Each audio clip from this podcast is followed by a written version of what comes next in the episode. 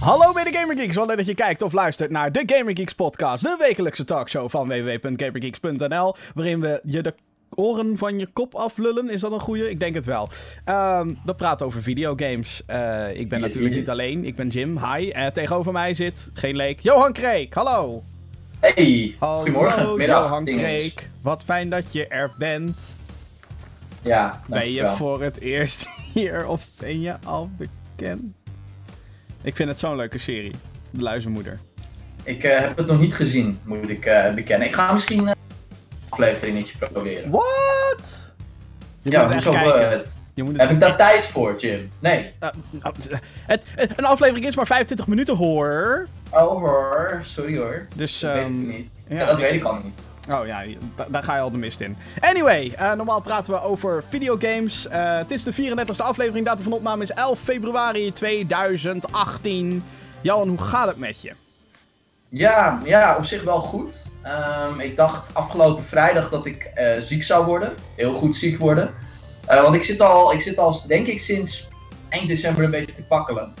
En eigenlijk had ik nu zoiets van, ja, ik word ziek, eindelijk. Want dan is het weg. En nu heb ik nog steeds zoiets van, eh, ik voel me oké, maar ik voel me niet meesterlijk. Of zo. Ik voel me niet heel lekker. Jij gaat Dus, juichen eh, van ja, ik, ben, ik word ziek. Leuk. Ja, het gaat goed, maar eh, ja, het kan beter. Oké, ja, nou, ik, ik moet heel eerlijk bekennen. Je kent het wel. Ja, nou, ik ken het heel erg. Want afgelopen vrijdagavond, in plaats van dat ik lekker alaaf en eh, weet ik wat, allemaal, wat er allemaal bij hoort, zat ik om half negen s'avonds lag ik al in mijn nest.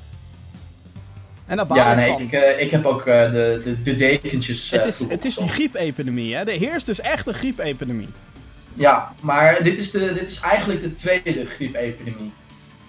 Dus hij was weg en toen kwam er de nieuwe. Dus dit is volgens mij de tweede. Oké. Maar who cares? Je wilt het gewoon niet hebben. Of heel veel mensen ontkenden het. het is gewoon nog steeds Ja. ongoing. Het, het, is er gewoon nog. Ja, precies. Heb je nog Nee, maar voor de rest wel goed. heb je dan nog wat tijd gehad om te gamen? Ja, wel wat. Eh, zeker wel. Eh, natuurlijk Shadow of the Colossus, waar we het erover gaan hebben. Ehm, ik had een eh, beta key gekregen voor Empires eh, Edition. Dat Age is of Age of Empires 1 samen met de content van Rise of Rome, de uitbreiding voor Age of Empires 1. Eh, in een nieuw jasje, 4K, een opnieuw opgenomen soundtrack, gameplay verbeteringen en bladie. Leuk. Ehm, vooral die muziek, ik zat er meteen weer in. Ik voelde me echt weer, nou wat zou het geweest zijn? 12, 13, misschien nog jonger. Het was 1997 toen de eerste Age of Empires uitkwam. Dankjewel voor dat Polygoonjournaal eh, stemmetje. Ehm, ik, zat er meteen weer in. Alleen wat ik dan zo jammer vind, dan doe je dus een remaster. Ja. Echt een remaster, geen remake. Eh, sorry, een, een. Ja, wat is het? Ja, nee, het is, het is een remaster. Maar dan denk ik van, haal dan even de kinken uit de kabel. Eh, bijvoorbeeld, ik was bezig met een farm. En dat farm is dan op een gegeven moment uitgeput. En in twee dachten ze van, ja, dat is wel bloedirritant dat het zo is. Dus daar hadden ze iets op verzonnen. Dat je farm automatisch weer. Dat die boer denkt van, oh hé, hey, mijn farm is uitgeput, laat ik opnieuw beginnen. En dat soort stomme kleine dingetjes, die zitten dan niet in dit deel. En dan denk ik van, waarom niet? Waarom moet ik dan zelf dat mannetje weer gaan aansturen? Om dan te zeggen van, oh hé, hey, je bent klaar met, met dat farm, maak een nieuwe. Weet je, dan denk ik van, eh, dat, dat, is dan toch een beetje dat het een beetje steekt.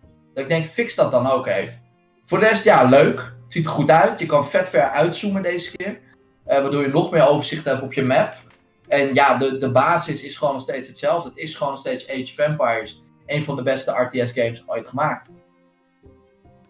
Denk Mag je dat zeggen? Dat Nou, mag ik zeggen. Nou ja, ik bedoel, als je dat vindt. ehm, de- denk je dat dit een, een, een succes gaat worden? Want ik, ik zit een beetje te twijfelen. Kijk, ik heb ook nostalgische gevoelens bij, bij, nou ja, bij dat hele Age of Empires gebeuren. Ik moet zeggen dat ik er nooit super diehard in ben gedoken.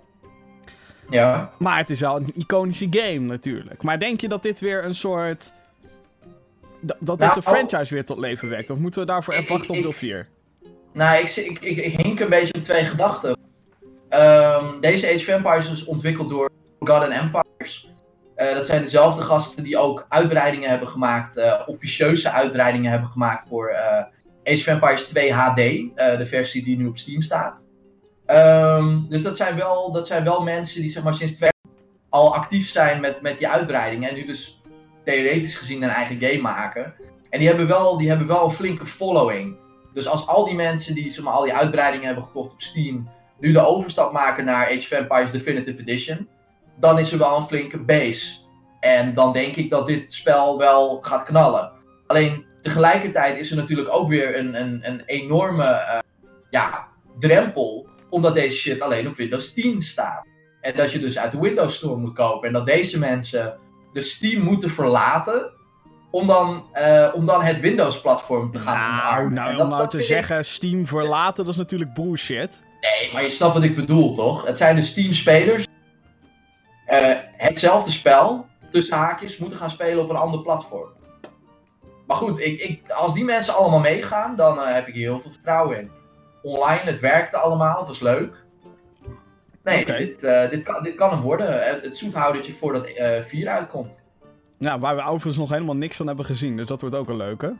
Ja, dat, dat is ook een spannende inderdaad. Geen idee hoe dat eruit ziet.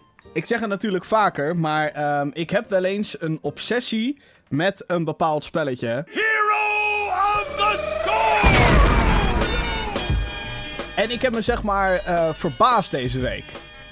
Echt compleet verbaasd. Want ehm Heroes of the Storm, voor degenen die het niet kennen, what the fuck, weet je wel, wake the fuck up. Het is de beste MOBA ooit gemaakt. MOBA van Blizzard. Ehm, zeg maar, neem de populairste characters van Warcraft, Starcraft, Diablo, pleur eh, Overwatch. Mogen we zeker niet vergeten. Want hoe anders dan, hoe ben je geen echte Blizzard fan? Eh, fuck you.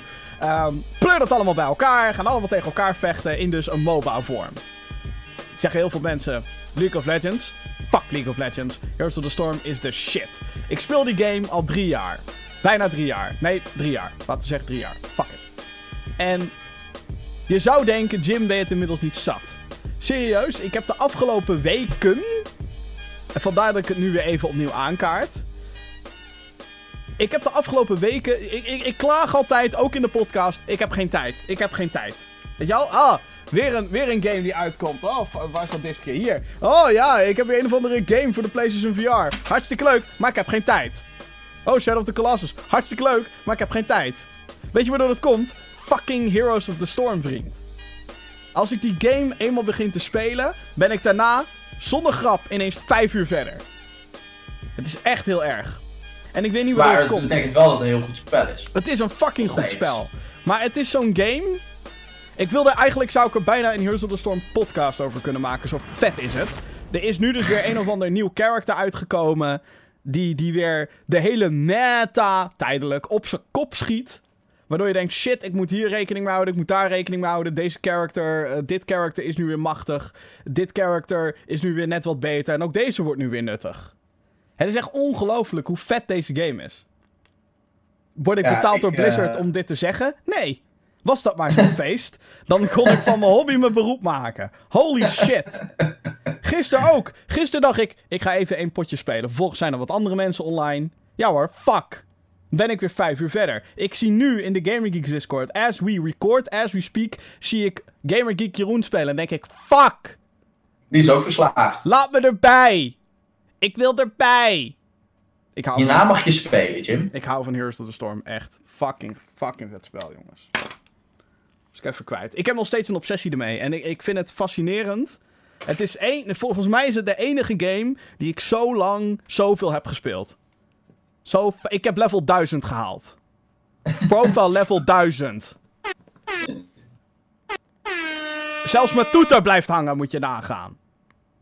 Fuck. Ja.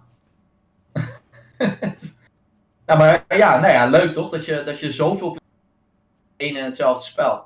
Ja, ik vind het ook heel knap. Ik vind Het is eigenlijk iets van vroeger natuurlijk, omdat je vroeger nog niet zoveel geld had. Of gewoon geen geld had. En je het zeg maar heel lang met één spel moest doen. Ja, Omdat je geen keuze had. En nu maak je dus de keuze om terug te gaan naar datzelfde spel. En Dat- dat zegt iets over de game. dat was vroeger inderdaad wel een ding natuurlijk. Vroeger moest je het gewoon doen met dat ene spel. Hou op man, 120 eh, gulden. eh, euro gulden? Denk gulden voor Conker's Bad Fur Day. Boah, niet vond normaal. vind ik 120 Fucking. Ik kan, me, ik kan me herinneren dat er 160 gulden in zo'n eh, ding lag voor,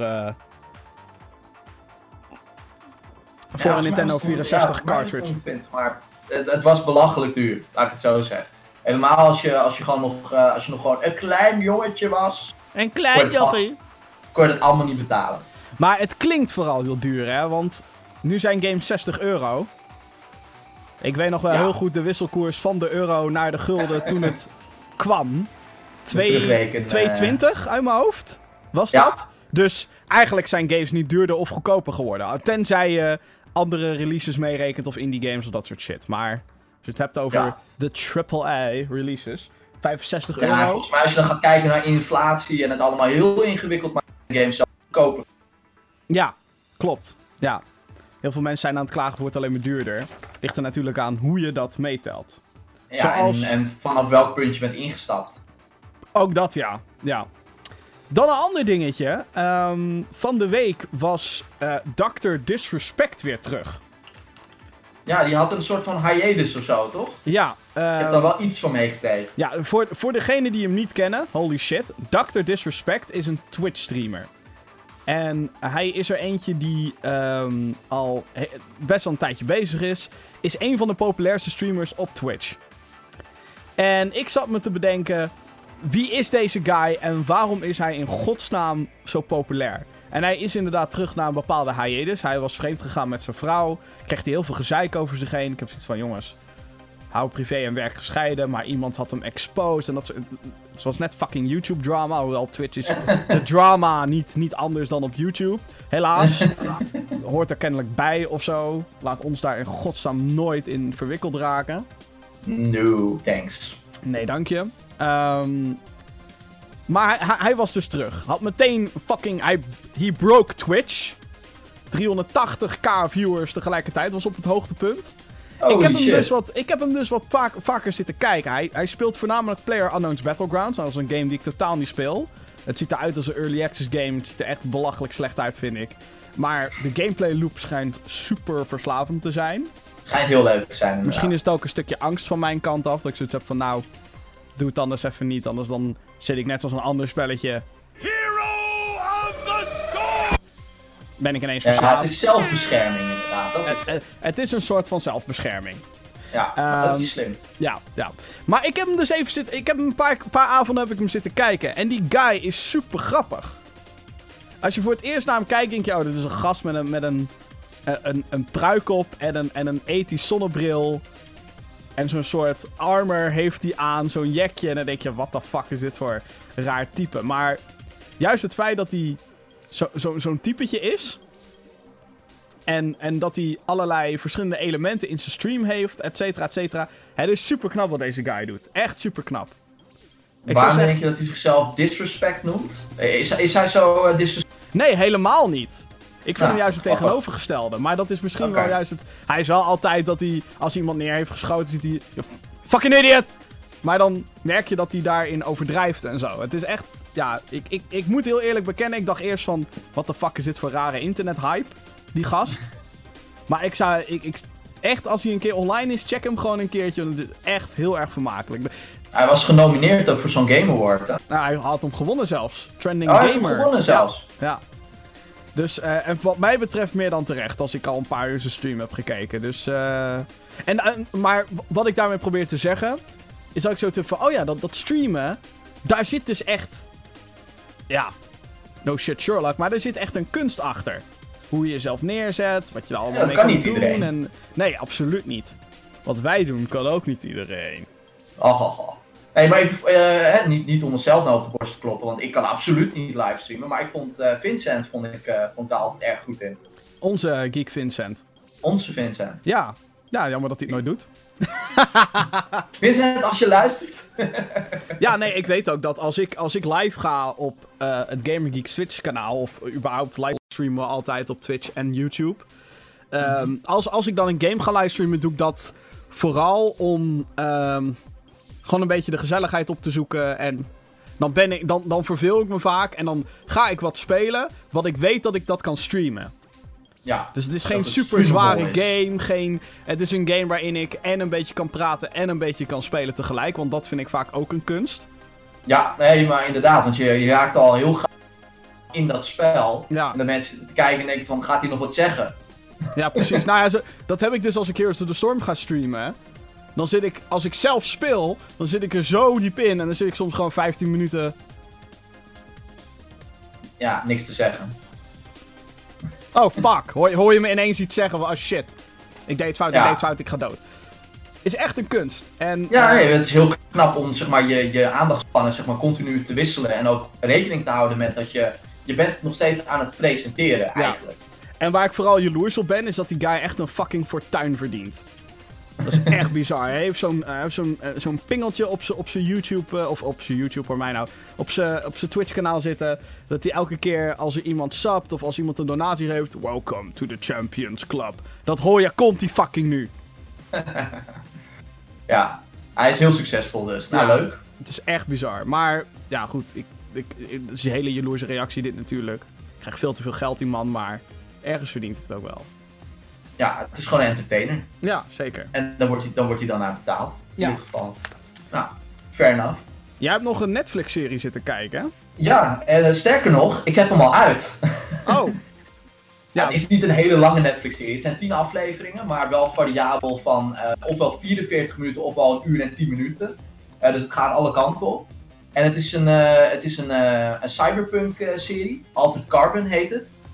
En ehm, het, het, vertelt over een wereld waarbij eh, eh, lichamen, zeg maar je eigen lichaam, ehm, niet meer dood kan. Je kan nog wel dood, maar dat is er bijna niet meer. Ze hebben iets uitgevonden, dat zijn eh, stacks, schijven.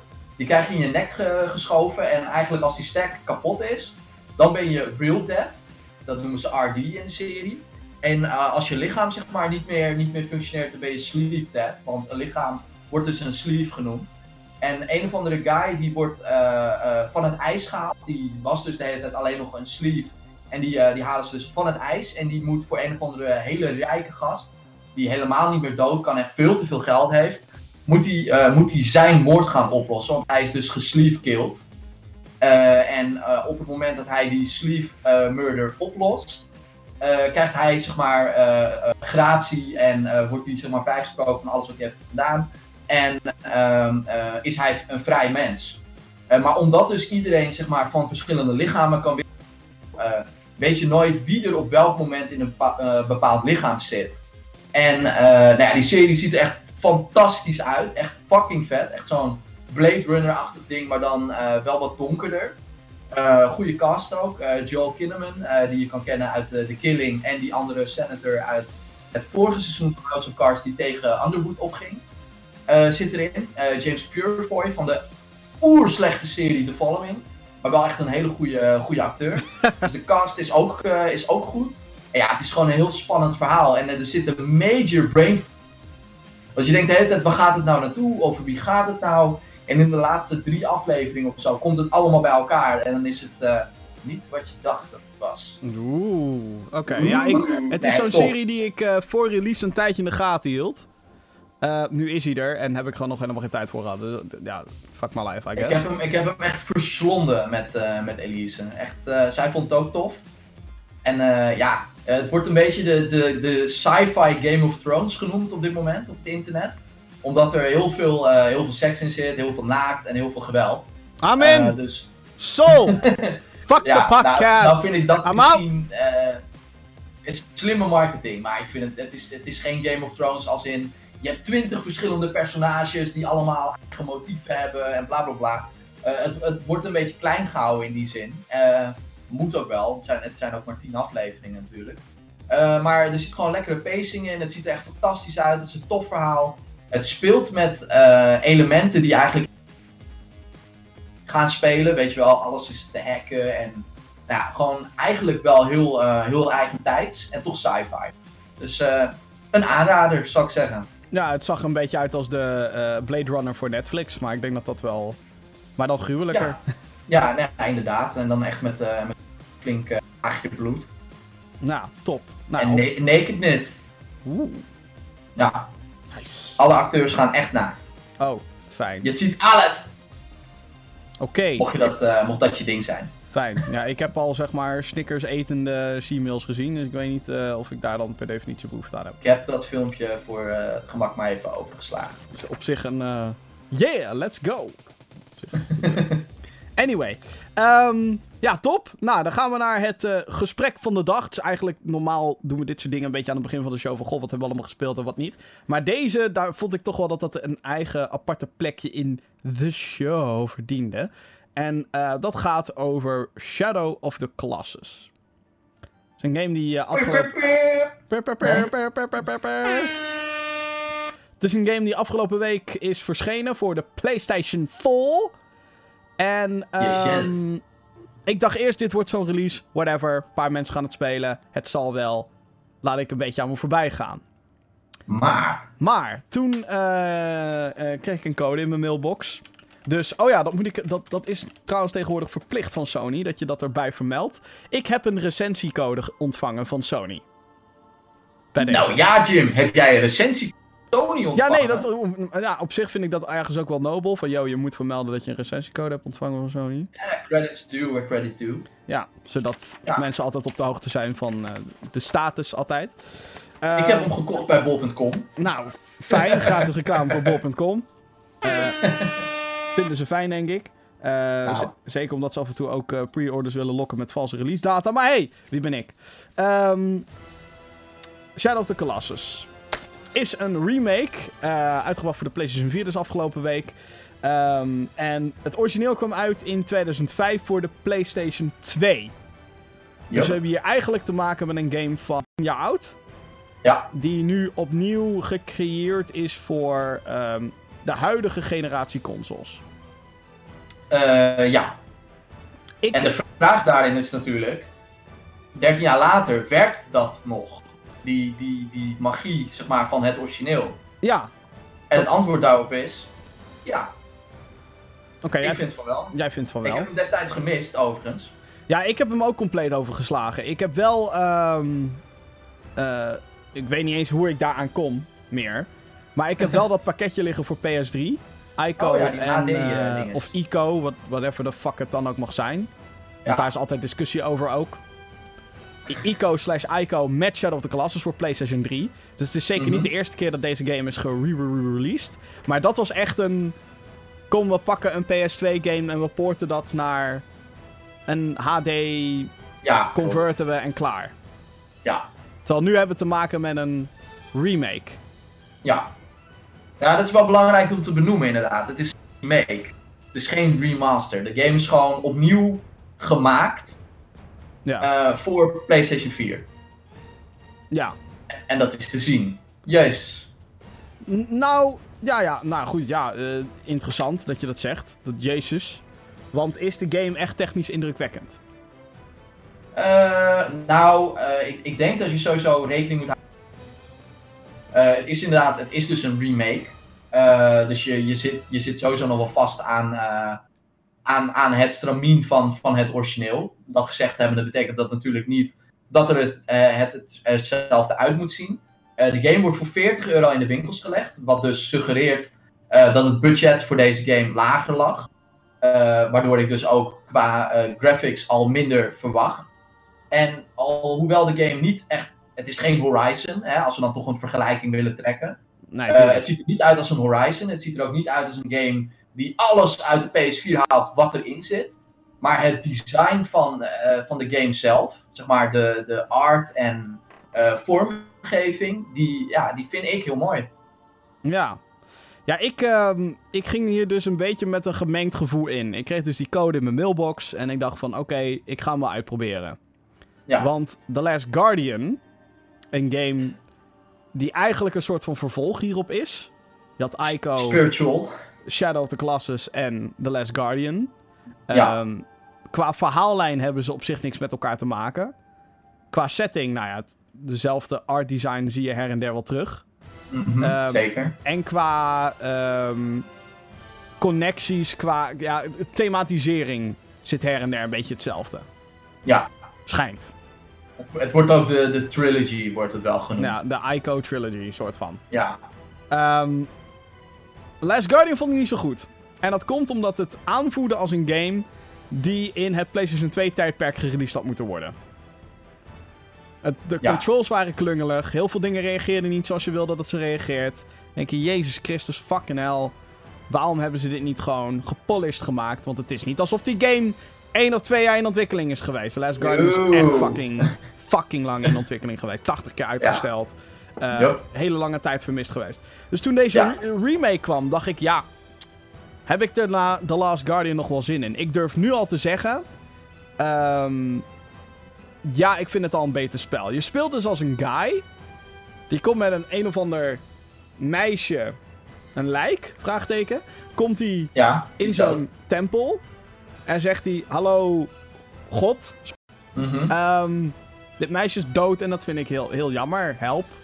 Ik ben Ja, desperate. ik doe, ik doe alles. Ik doe hij. alles. Ik doe alles. En dan zegt God in een, in een mannen- en vrouwenstem. Wat ik qua eh, thematisering al heel erg, zeg maar, meta en cool vind. Van, Mhm, oké, ja, is het een ja, ja. vrouw of is het een man? Het zijn twee stemmen door elkaar. Ze zeggen dus van... Ja, jij moet Colossus killen, bitch. We hebben er 16. En ze zijn levens fucking gevaarlijk. nou, oké, dat doet hij niet. Maar, mwah, ga erop uit. En vervolgens heb je een zwaardje, een pijl en boog en een paard. Die voor de helft van de tijd weigert te doen wat je wilt dat hij doet.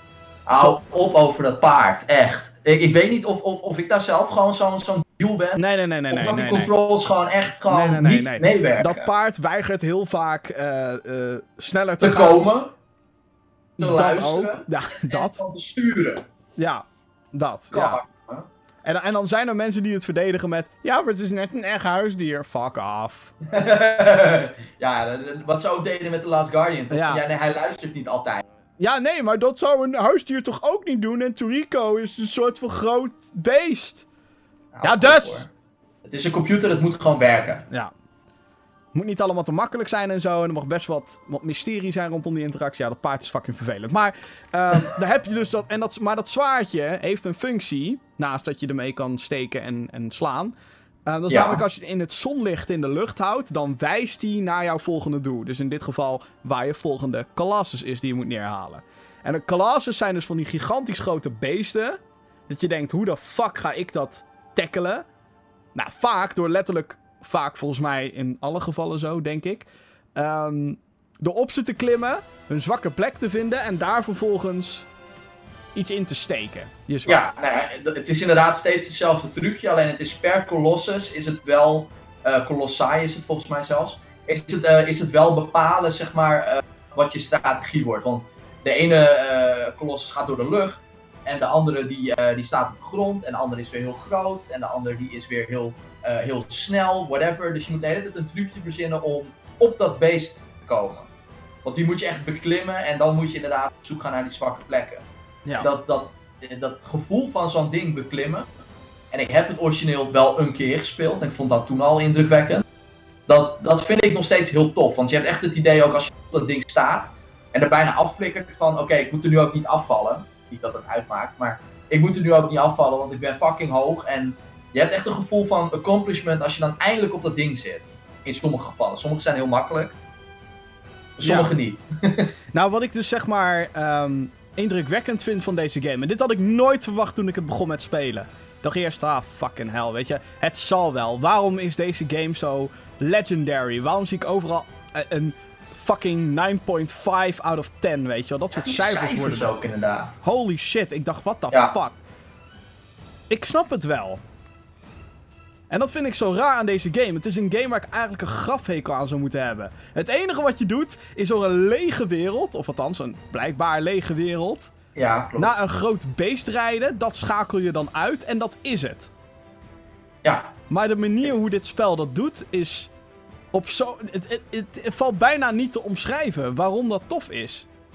Nee, nou het is ook niet te omschrijven, want eh, als je puur naar de basis, het ziet er niet heel bijzonder uit. Het verhaal is niet heel bijzonder. De wereld is compleet leeg. Eh, grafisch loopt het achter. Ja, Eh, en toch, in combinatie met toch het verhaal, toch de muziek en eh, het feit dat je dan, ja, toch die gameplay van het tackelen van zo'n gigantisch ding, ja, maakt het toch gewoon magisch. ja. Ik, ik weet het ook niet. Ik, ik, ik heb ook zitten vloeken als een malle gewoon op sommige van die beesten. Omdat, omdat af en toe het spel, ik zeg wel eens samen met mijn vrienden, het is niet geëikt. Nu ook weer. Ik ben bezig met zo'n beest, die schiet dus vuurballen. En je kan dus een dodge roll doen. Nou ja, eh, ik kom uit een Dark Souls, uit een Bloodborne. En daar is dat gewoon, dat is gewoon één op één. Als jij rolt, dan rol je. En bij dit spel heb ik af en toe het idee dat ik wel rol en toch geraakt word. En dan denk ik van, het is gewoon, het is gewoon net niet. En toch blijf ik het spelen. Ja. Ja, ik Want ben... het, is, het is niet perfect. Helemaal niet. Maar misschien is dat juist de charme ervan ook. Dat zou kunnen, ja. Ja. Want, ehm, nou, ik heb wel beelden gezien van hoe het origineel eruit zag. Ehm, ja, ik bedoel... Voor een PlayStation 2 was dat fucking impressive. Indrukwekkend, ja, zeker. Holy shit. Ehm, en inderdaad, ze hebben heel veel moeite gedaan om eh, de boel wel hè, naar de huidige tijd te brengen. Dus het ziet er HD uit en je kan veel meer naar de afstand kijken. En je, je paard beweegt mooier en de animaties zijn beter. En die haartjes van de Colossi, ehm Ja. waar je daadwerkelijk op kan klimmen. Eh, dat is vooral een groot aspect van deze game. Klimmen. Als Ja. je denkt, goh, waar haalt Zelda toch dat element vandaan in Breath of the Wild? Van het hele stamina bar en, en overal op kunnen klimmen. Hallo, Shadow of the Colossus. Ja, En dat vind ja, ik zeg maar zo, zo cool ook van dit spel. Je ziet zo duidelijk waar, wie waar wat voor inspiratie vandaan haalt. Je begint de game met een blijkbaar dood meisje. Die je terug wil brengen. Hallo, Ja. Zelda 2. mhm. Die tempel alleen al had fucking Zelda 2 kunnen zijn. Had er een groen mutsje opgezet en je zou bijna denken: holy shit, dit is een HD nieuwe vorm van Zelda. En dat, Ja. dan dat klimmen, dat, dat verzinnen ze er dan bij. In Shadow of the Colossus. En dan kom je bij Zelda Breath of the Wild en dan zie je dat weer terugkomen. Hier. Ja, klopt. Ik vind dat zeg maar bijzonder. En er zit een bepaalde. eh, ja, to- toch ook een, s- een soort verzamelingselementje aan dit spel. Want eh, als je een Colossus verslaat, dan gaat je grip meter omhoog. Dus ehm, als je op zo'n monster zit, je grijpt dat beet. Dat monster is niet helemaal stupid. Die Oké, probeert jou eraf te Ze flikkeren. zijn best wel stupid. Maar dan gaan ze inderdaad wel proberen van... Yo, ga, ga vanaf. Ga weg. Het is nooit dat ze echt één keer... Althans, tot nu toe heb ik dat nog niet gehad... Dat ze gewoon hun klauw pakken en jou gewoon... Huh, hier, fuck. Hè, gewoon in, Nee. in je hand crushen. Dat is tot, bij mij tot nu toe nog niet gebeurd. Nee, Dus zo ik denk slim. ook niet dat het gaat gebeuren. Zo slim zijn ze niet. Maar ze proberen je wel van je af te schudden. En ehm, eh, dan, dan gaat je character ook helemaal... Wow, wow, shit. uh. Dus hoe hoger je grip meter is... Hoe langer je op zo'n kalas kan blijven. Hoe sneller je het kan uitschakelen, et cetera, et cetera. Ja, En nu zijn er dus een paar van die kleine hagedisjes die rondlopen. In de wereld. Met een witte staart. En als je die neerschiet met je pijl en boog... En je... doet dat iets? Jazeker. Wat doet dat? Je vreet dat staartje op, dan wordt je grip meter hoger. Eh, dat meen je niet, kutje. Ja. Ik, heb er, ik heb er wel echt wel heel veel gedood, maar Ja, je Ja. Moet, het wel even opvreten. dat wist ik niet. Het staartje. Oké, Ehm, nou dan, eh, maar- eh, eh, moving on ga ik dat doen. Dat is dus, dat is dus de grap. Je hebt dus hagedisjes met witte staartjes. Je hebt hagedisjes met zwarte staartjes. Uh-oh. Die zwarte staartjes doen eh, volgens mij een klein beetje health herstellen of zo. Nou, oké. Whatever. Maar je hebt dus ook bomen met fruit. En die fruit, Ja. dat fruit, als je dat vreet, dat doet dan je max health omhoog. En dat was zo'n dingetje. Het staat, ongetwijfeld staat het overal online. Maar het het is- spel vertelt het je niet. Het spel vertelt het je niet. Nope. Absoluut niet. En ik, ik ontdekte dat. Zonder online te kijken, ontdekte ik dat. Viel me ineens op, huh? Is mijn grip meter nou... Is hij nou omhoog gegaan? Dacht ik, nadat ik een paar van die hagedisjes kilde en erachter kwam... Oh, hé, hey, zijn staartje gloeit nog op de grond. Eh, kut, waarom weet ik dat nou weer niet? Ik heb het gewoon laten liggen. Ik denk, ja, hij... ik, wilde ook gewoon, ik wilde ook gewoon weten, kan ik hem doden? Ik wilde Ja. zo'n vogel neer te schieten. Ja, dat is niet gelukt. Nee, dat is me ook nog niet gelukt. Ik ben benieuwd of dat wel wat doet. Zou bijna wel moeten zijn, eigenlijk. Ja, al- als die hagedissen al een, een feature zijn, dan... eh, Ja, Eigenlijk het enige wat je verteld wordt is van... eh, hou je zwaard in de lucht. Ga naar die kolossus. Oh ja, en als je bij zo'n tempel staat en je gaat bidden... Dan wordt je health weer vol. Dat is het enige wat verteld wordt. Ja. Ja, en dan die hints wanneer je bij zo'n kolossus bent. En ik vind het gewoon heel vet dat, dat deze game een wereld neerzet die, waarin je echt helemaal alleen bent. Je hebt je paard, maar voor de rest ben je gewoon compleet gewoon... Remy. Je bent op jezelf. En ehm, het, het, het, het heeft zo'n soort... Ja, het heeft een charme die ik... Die, ik vind het zo moeilijk om over deze game te praten, want het, het is zo vet. maar ik kan niet omschrijven waarom. Want wat jij al zei, soms zijn de controls gewoon echt kut. De camera is echt kut. Yup. Fuck die camera. Ja, nee, die camera hadden zo echt wel even iets mee mogen. Oh my Dat- god. Die, Het werkt niet. dat ding strukkelt de hele tijd tegen. Dat wil een soort van cinematische angle willen de hele tijd houden, die camera. En dan ben je daarmee aan het vechten, want je wilt gewoon zien wat jij wil zien als speler. Namelijk die kolossus die achter je aan rent. En dan, en dan is het zo van, nee, wij willen dat je dingen zo ziet, want zo vinden wij het mooier. Want Ja. dat is in de game. Maar, als we dan kijken naar hoe Shadow of the Colossus ontvangen wordt, hoe enthousiast wij, ik denk dat ik voor ons beiden kan spreken, hoe enthousiast wij zijn. Dan hadden wij zoiets van, holy fuck, dus er zit hier iets van magie in. Ja. Is dit dan ook meteen een van de beste PS4 games? Of, Nee. nee, Nee. nee. Nee. Nee, dat denk ik niet. Nee, nee, nee. Nee, want ik heb, ik heb PS4 games gespeeld die, eh, die er mooier uitzien. Nou, dat niet meteen eh, het breekpunt zijn. Dat Eh, art design, though, van die fucking... spelen. Het art design van die beesten, though. Ja, nee, maar dat, dat, dat is heel vet. Dat is echt heel mooi. En ik denk dat dat ook de reden is dat ik door blijf spelen. Omdat ik wil weten hoe die volgende eruit ziet. Ja. En ik wil het gewoon uitspelen natuurlijk. Want ik heb hem, ik heb hem in 2005 gemist. Eh, volgens mij kwam die HD Remaster in 2013 of zo. Die heb ik toen ook niet gespeeld. En toen deze werd aangekondigd op de E3 dacht ik... Ja oké, nou, ga ik hem, nou ga ik hem spelen ook. Nou is het gewoon klaar. Ja. Het is ook niet, niet ontwikkeld door de minste. Het, zijn, het is eh, gemaakt door Bluepoint Games. Eh, die hebben onder andere ook de Nathan Drake Collection naar de PS4 gehaald. En die hebben nog legio aan andere titels voorzien van een, nou, van een, een, een behandeling zoals deze. Ehm, en nou mogen ze gewoon eventjes Golden Abyss gaan doen als het aan mij ligt. Ehm, maar ja, het, het heeft iets magisch inderdaad. En om, om daar het is, het is echt een gevoel. En ik, ik denk ook dat er zat mensen zullen zijn eh, die dit gewoon heel kut gaan vinden.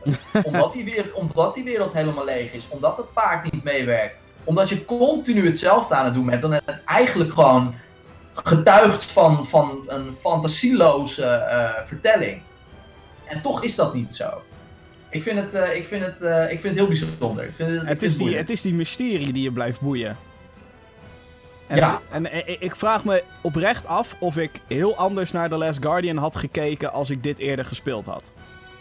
Waarschijnlijk wel. Dat meen ik oprecht, want ik, ik, ik, ik bedoel, de- wat ik heb gezegd over The Last Guardian, daar blijf ik bij. Het is een... ehm, het, ook, ook die game heeft iets waarvan ik zoiets heb van, fuck, er is hier... Ja, nee, maar dat is zo. iets Dat aan de zo. gang. Dat beest en, dat, en ook hoe die gedesigned is trouwens. En wat daar gebeurt in die wereld. En, en eh, ook het feit dat je daar heel weinig andere dingen tegenkomt. Behalve puzzels en obstakels waardoor eh, dat jochie en dat beest samen door moeten kunnen komen. Soort- dus Mhm. het beest moet dan ergens opklimmen. Dan moet jij op dat beest klimmen. En dan moet jij een hendel overhalen zodat een deur open gaat. Nou ja, eh, dat soort dingen. Ehm, maar daar waren die controls zaten me echt gewoon te pesten. En, en ik dacht echt van fuck. En hier heb ik eigenlijk bijna dezelfde issues. Maar heb ik er veel eerder vrede mee. Ja. Wat ik En zo... is, dat, is dat dan omdat je denkt van, oh ja, maar het is, Nog een keertje. is dat dan omdat je denkt van, ja oké, eh, laat maar zitten, want Laat maar zitten, want... het is een game uit 2005. Oh, dat. Eh, nee. Ehm, nee, ik, ik, ik weet niet wat het is. Maar misschien is het ook omdat je ehm, een soort... eh, Zodra je zo'n ding neerhaalt, heb je instant zoiets van... Fuck yeah, bitch.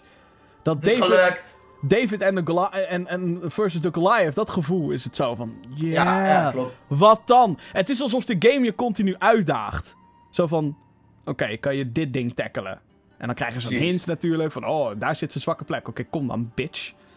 En dan, en dan ga je klimmen en, dan, en, en er zijn dan bij bepaalde monsters... moet je bijvoorbeeld op een bepaalde afstand van een beest staan... zodat hij een bepaalde aanval doet, waardoor jij erop kan klimmen. En als je ook maar een beetje anders staat, dan... eh, Doet hij iets doet anders? hij dat niet. Ehm, er is ook een soort hintsysteem die een beetje hint naar... Hallo, je komt er niet uit, dus dit is wat je moet doen, soort van. Niet dat hij het één op één zegt. Dat is Nee, die, die eh, godenstem. Het is echt een hint. ja. Maar dat, je. Eh, Oké. ja, precies, dat soort dingen. Eh. Maar wat dan? Wat, wat je daarna moet doen, zegt hij niet. Dus dat, dat vind ik wel mooi. Dat moet je dan alsnog uitvogelen. Ehm, dus inderdaad, bij dat verstopje denk je, oh, je moet alles sneaky aanpakken. Kan je nu alvast zeggen, nee, dat is niet het geval.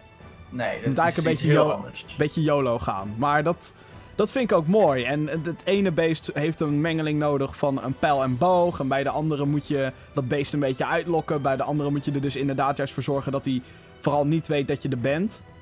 Ja. Dus dat is. ehm, ja, ik weet niet wat het is. Het, het, het is zo'n.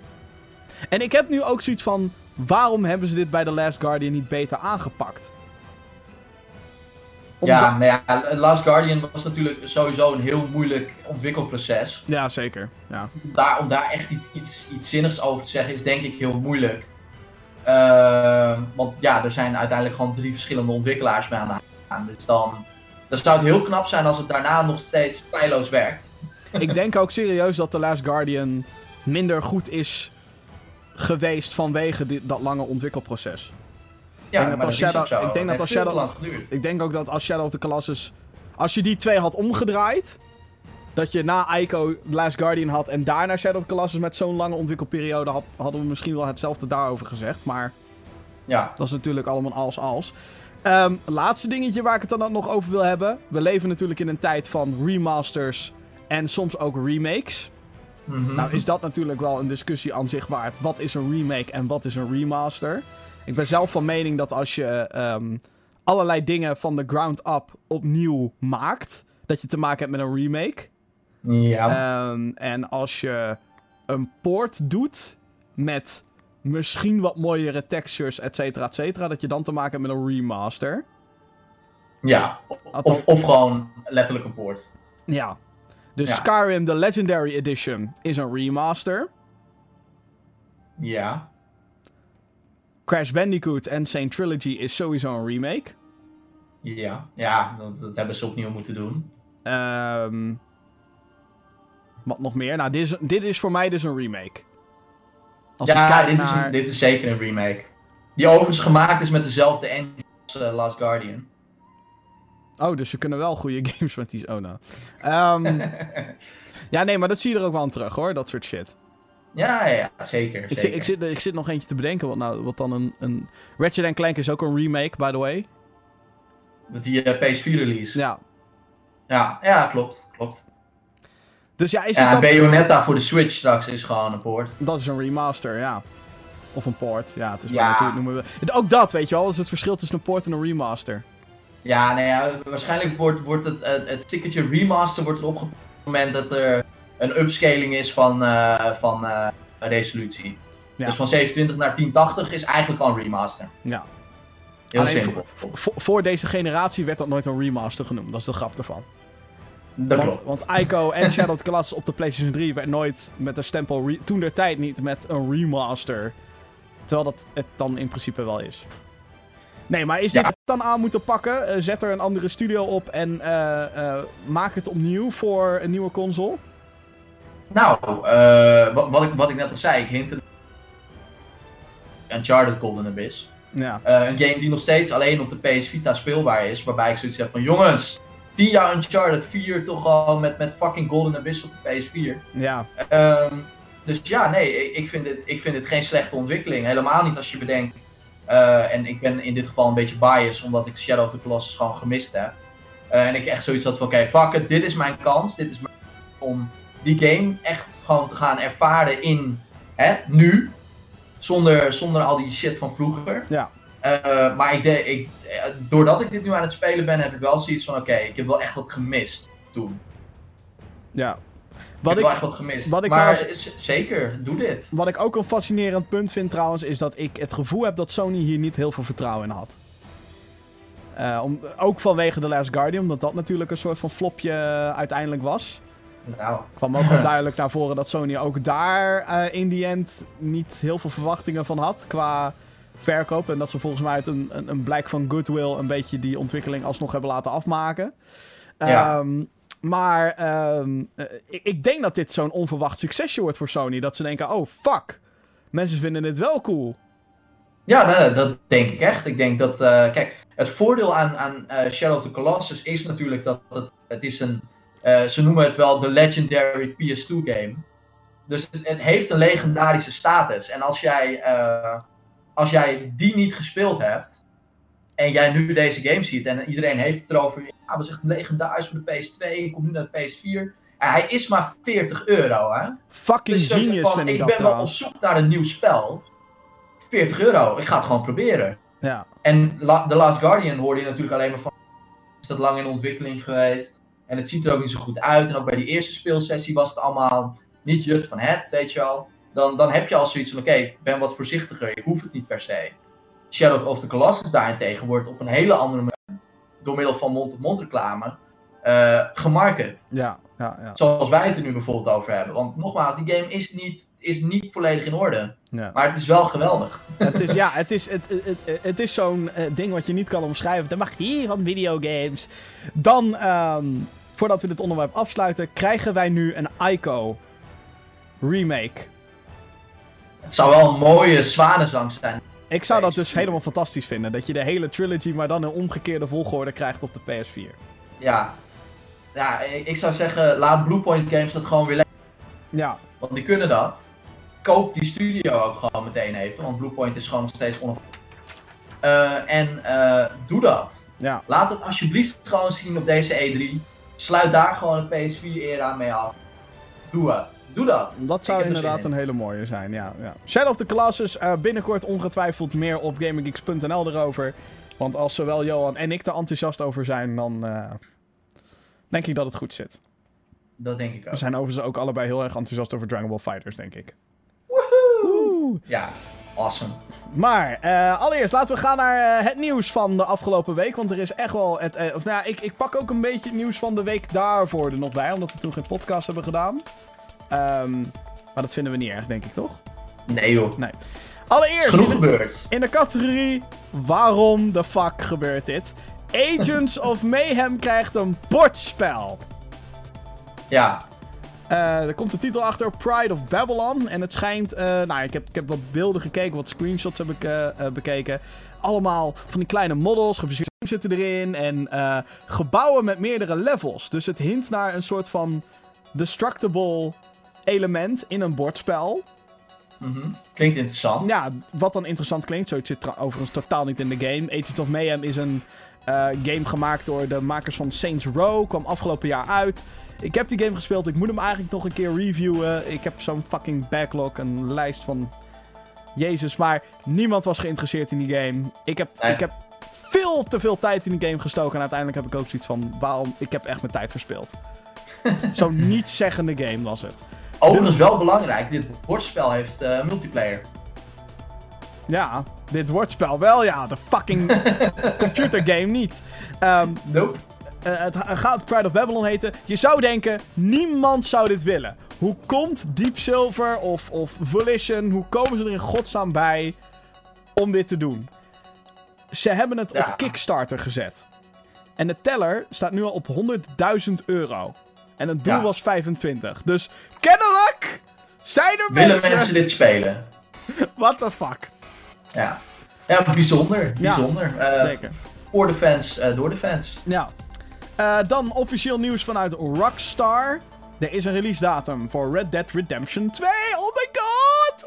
Eh, dus alle uitgevers slaan in paniek. Die wijken de datum 26 oktober. Want dan komt de eh, Wild Western Open World game uit voor de PlayStation 4 en de Xbox One. Nog steeds geen fucking woord over een fucking PC-versie. Die gaan ze natuurlijk anderhalf jaar later releasen, zodat iedereen het weer opnieuw gaat kopen. Fuck you Rockstar, toch ga ik het doen. Dun, dun, dun. Eh, de datum. Ja, ik, ik, ik, volgens mij loop ik al maanden te roepen. Heb ik het ook in mijn top 10 Dit moet je spelen in 2018 lijst gezegd. Ik denk niet dat deze game de lente of de zomer gaat halen. Dat wordt gewoon een eindejaarsgame. Voilà, daar zijn we. 26 oktober. Tuurlijk. Verbaas me En het, het mooie is, eh, bij Rockstar maakt het ook geen klote uit. Hè? Nee, helemaal nou, niet. Voor het sluiten van het boekjaar doen of in het volgende boekjaar. Heb je gezien hoeveel GTA 5 ze hebben verkocht? Holy fuck. Eh, ja, het is 90 miljoen keer verscheept of zo, zag ik ergens. Rot toch op, man. Dat What is toch niet fuck? normaal. En dan is dat nog zonder de eh, opbrengsten van eh, de microtransacties binnen die game. Exact, dat is alleen de verkoop van het spel. Lees het, het nepgeld wat je kan kopen. De Shark, eh, hoe heet die shit? Shark Money of zo? Ja, zoiets. Ehm, daarnaast zijn er geruchten ontstaan over Red Dead Redemption 2. Er zou namelijk een Battle Royale mode inkomen. Ja. Ja, Zou me niks denk het, verbazen. denk het wel. No-brainer, Het denk zou ik. fucking slim zijn. Het zou natuurlijk wel een beetje anders werken dan hoe bijvoorbeeld een PUBG speelt, waarin je uit een vliegtuig springt. Maar eh, het is wel interessant om zoiets te doen in een, in een eh, Wild Western, Western setting. setting. Ja. En het, het, het is er nog niet. Nee, nee, nog niet. Vooral dat is belangrijk, denk Ja. ik. Het is er nog niet. Volgens mij had GTA ook een Battle Royale-achtige mode. Zonder dat ze het Battle Royale noemen. Maar ehm, ja, ik ben gewoon heel. Ik ben sowieso heel erg benieuwd hoe het online component eruit gaat zien van Red Dead Redemption 2. GTA Online ehm, maakte volgens mij heel veel dromen waar. Het feit dat je dan in een online omgeving in GTA zit. En dat je dan op de duur ook echt je eigen osso kan kopen. En dat je garage hebt, dat je lauw kan doen met je bolides. Tuurlijk, er zijn altijd dingen die we nog toegevoegd willen zien. Ehm, ik weet dat, eh, eh, eh, hoe heet het? Vincent hoopte zo erg dat je gewoon met z'n allen naar het casino kon om daar te gaan pokeren en dat soort shit. Ja, ja, Maar je kan wel naar een stripclub. Ja, je kan wel naar een stripclub gaan en daar gewoon van die dollars smijten zo richting de stripdames. Dus dat, eh, nou, nou goed, dat is allemaal voor GTA 6 jongens. Maar voor Red Dead Redemption 2, daarom ben ik dus benieuwd wat ze daarmee gaan doen. Ja, ja nee, dat, eh, het is een hele andere setting. Dus je moet ook heel anders creatief zijn. Ja, ja exact. Ja, daar ben ik ook nieuwsgierig naar. Nintendo heeft bij een investeerdersbijeenkomst, waarin ze eigenlijk eh, met eh, allerlei aandeelhouders gaan praten. Oh, dit is wat we allemaal gedaan hebben. Kijk eens, mooie cijfertjes. Switch doet het fucking goed, hebben we het zo meteen nog over. Eh, en dit is wat er nog aankomt. Dus hey, aandeelhouders, wees blij. Yeah, financieel, we zijn lekker bezig. Ehm, ze hebben aangekondigd dat de Switch Online dienst, die eigenlijk alleen maar bekend staat als Nintendo Switch Online, hele creatieve naam. Die komt in september uit. Wat houdt dat in? Dat je moet gaan betalen om online te kunnen spelen op de Switch. Voordat je in Ja. paniek raakt, voordat je denkt, ah, fucking PlayStation doet het ook al en Xbox doet het ook al, 60 euro per jaar, what the fuck. Dit gaat 20 euro per jaar kosten, dus dat scheelt. Eh, en net zoals een Xbox en een PlayStation krijg je ook toegang tot games. Dit zullen dan retro games zijn. Ja, NES en Super dat, dat NES is, zijn dat, is nu, dat is nu confirmed. Dat is soort van confirmed. Alleen de details, dat is ook echt het enige wat we weten. In september gaat het gelanceerd worden. Ja, en waarschijnlijk meer informatie op de E E3. Ongetwijfeld. Ja. Eh, en natuurlijk ook gaan ze met een grote online game komen om de online dienst te pushen. Dat is wel een belangrijke, ja.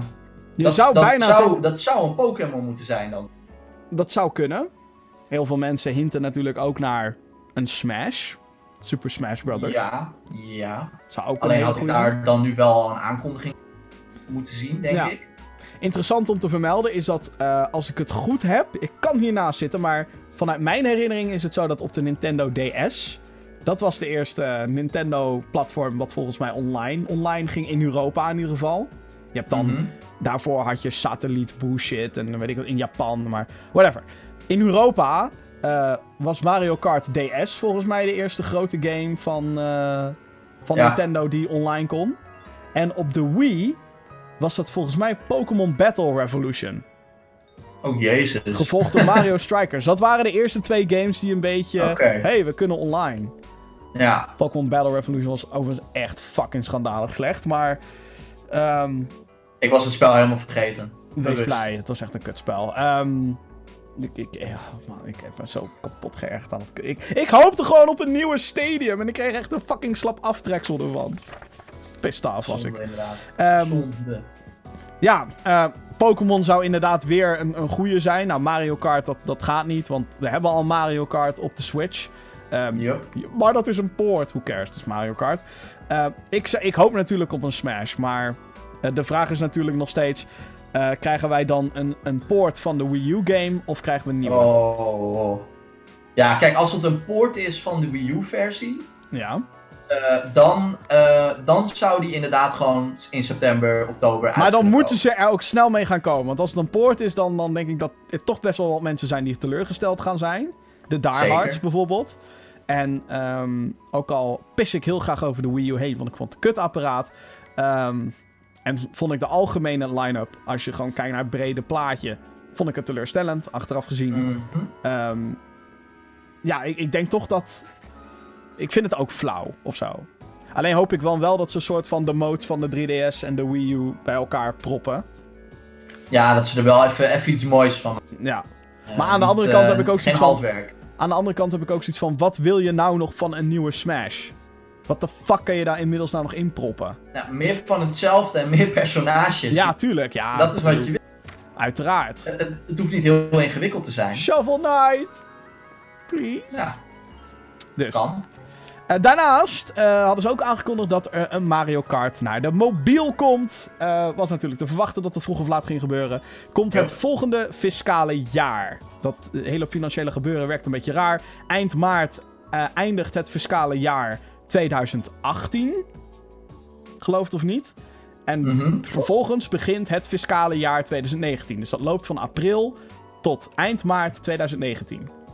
Ja, En in die periode, dan komt deze game uit. Dus ik zou daar ook eigenlijk bijna verwachten eind dit jaar. Het heet Mario Kart Tour.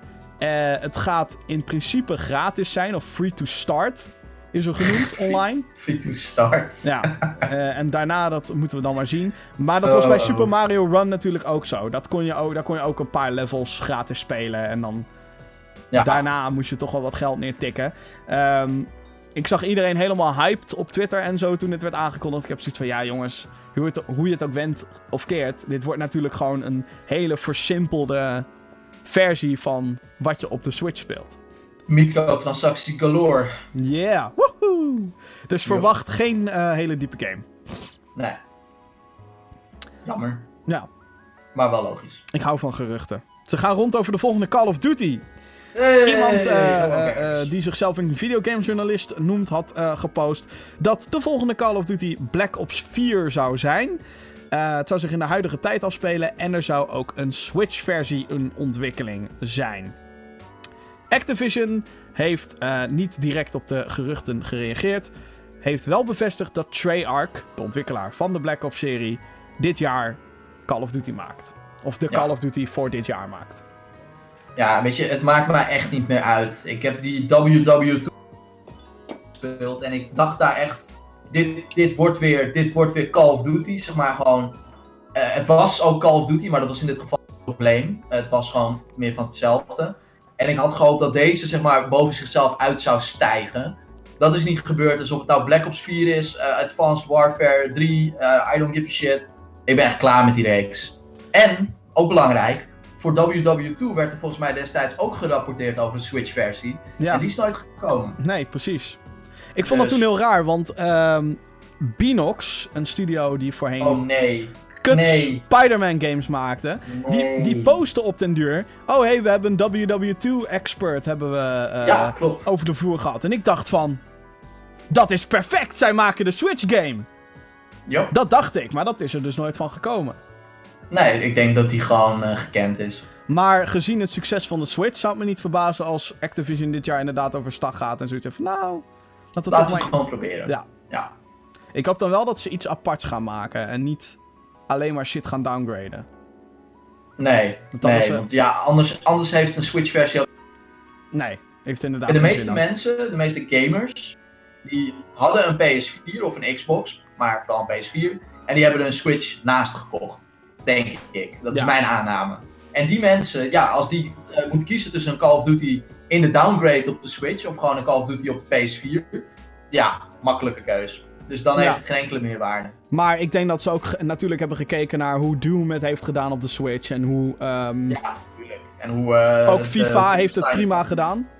By the way. Ondanks dat ja, en natuurlijk ook... heeft EA nog niks aangekondigd voor de Switch. Nee. nee, maar misschien komt dat deze E3 weer binnensprokkelen. En kijken ze gewoon een beetje naar hoe dat eh, allemaal loopt.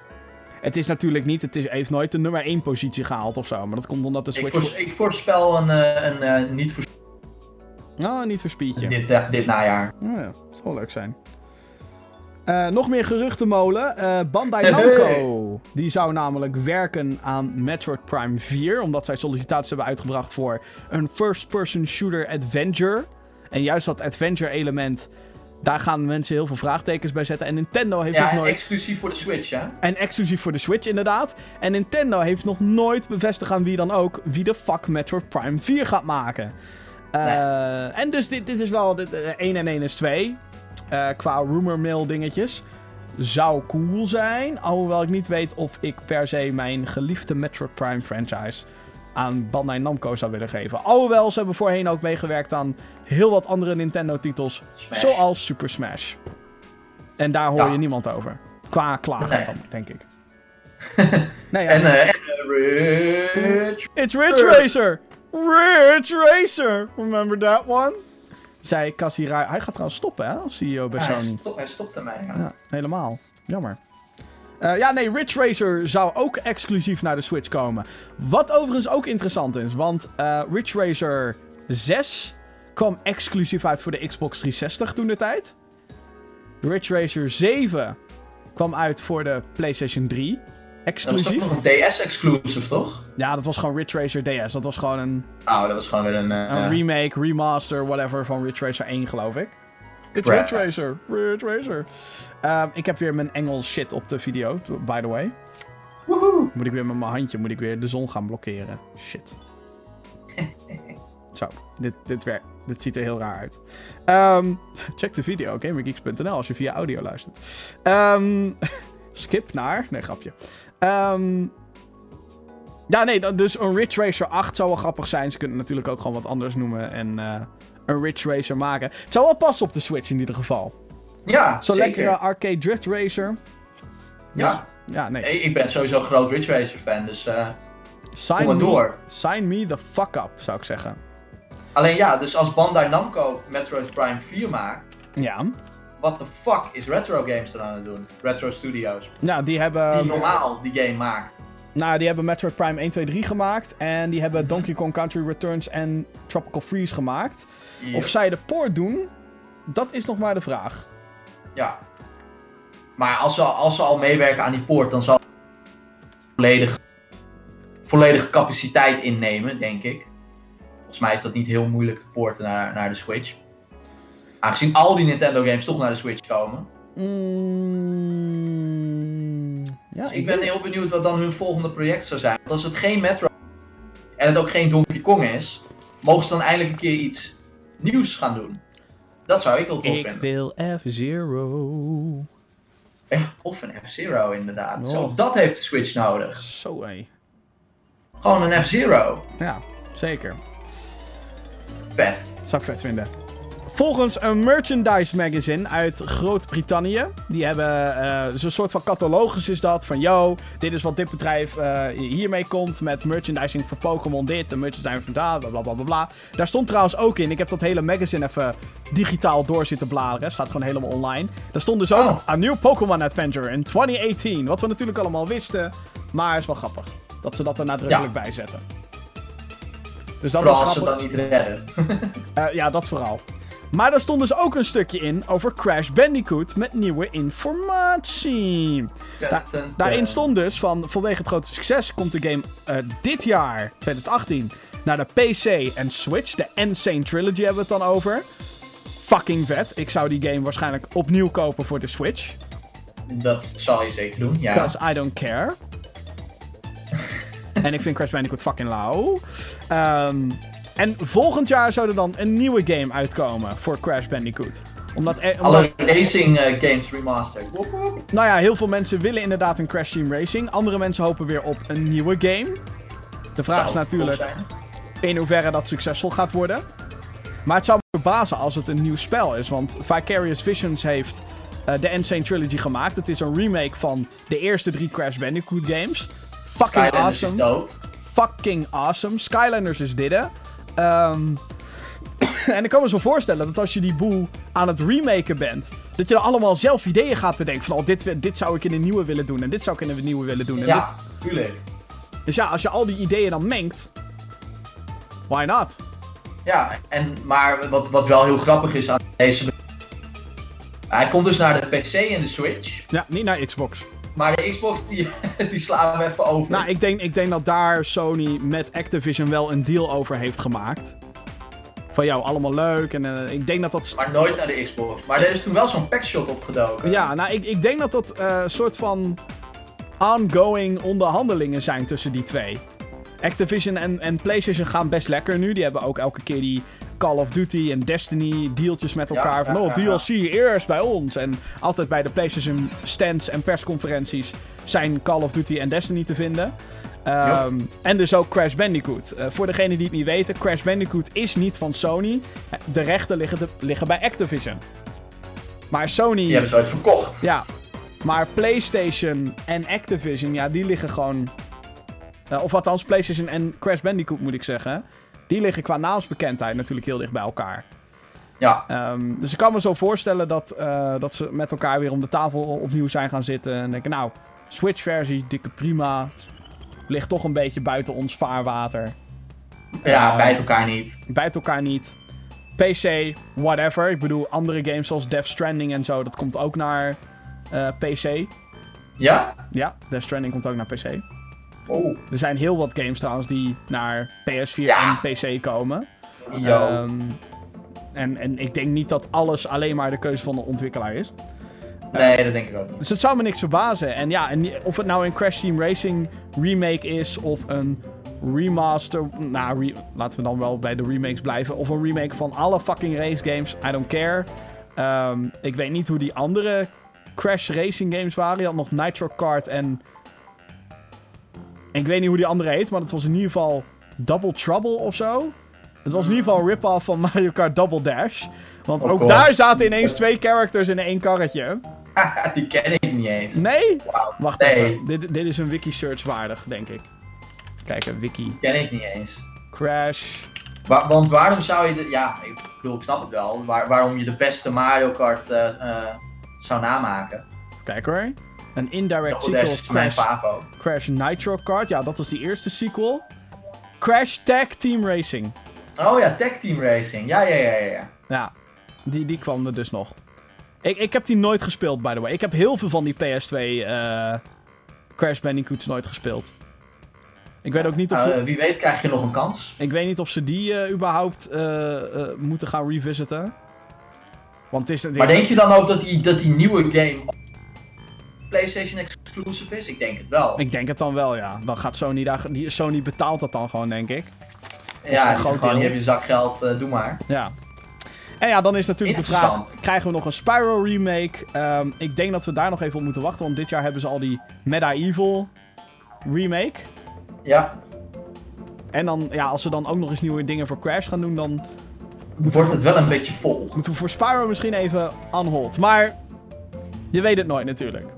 Nee, natuurlijk niet. Misschien na als... als Genoeg handjes hoor bij Vicarious Visions. Nou, eh, of Skylanders, al- eh, als ze is. eenmaal klaar zijn met Spider-Man, dan kan dat team weer een beetje gaan ops- opsplitsen in meerdere projecten. En dan kunnen ze tegen Insomniac true. zeggen: Hey, how about you go back to Spyro, motherfuckers? Fucking goed idee ook. Maar een ideetje. Of dit, Ja, dat is een goed idee. of dit waar is, is natuurlijk allemaal de fucking vraag. Speculaas. Woe. Eh, ander nieuws dan nog: The Search 2 is aangekondigd. Dat is een Dark Souls-achtige game, maar dan in een sci-fi setting. Johan, jij had de eerste gespeeld. Ja, ik heb de eerste gespeeld inderdaad. En eh, hoewel het. eh, was het gewoon niet bijzonder. En, of nou ja, niet bijzonder genoeg. En de dingen die ze dan toevoegden om anders te zijn dan een Dark Souls. Die waren juist frustrerend. Om een idee te geven. Als je je loot kwijtraakte. eh bij Dark Souls krijg je dan nog de kans om dat weer op te halen. Eh, in de Search krijg je dat ook. Alleen dan gaat er een, een, een tijd. eh, eh, dan heb je een tijdlimiet. Dus dan heb je bijvoorbeeld drie minuten om weer bij je loot te komen.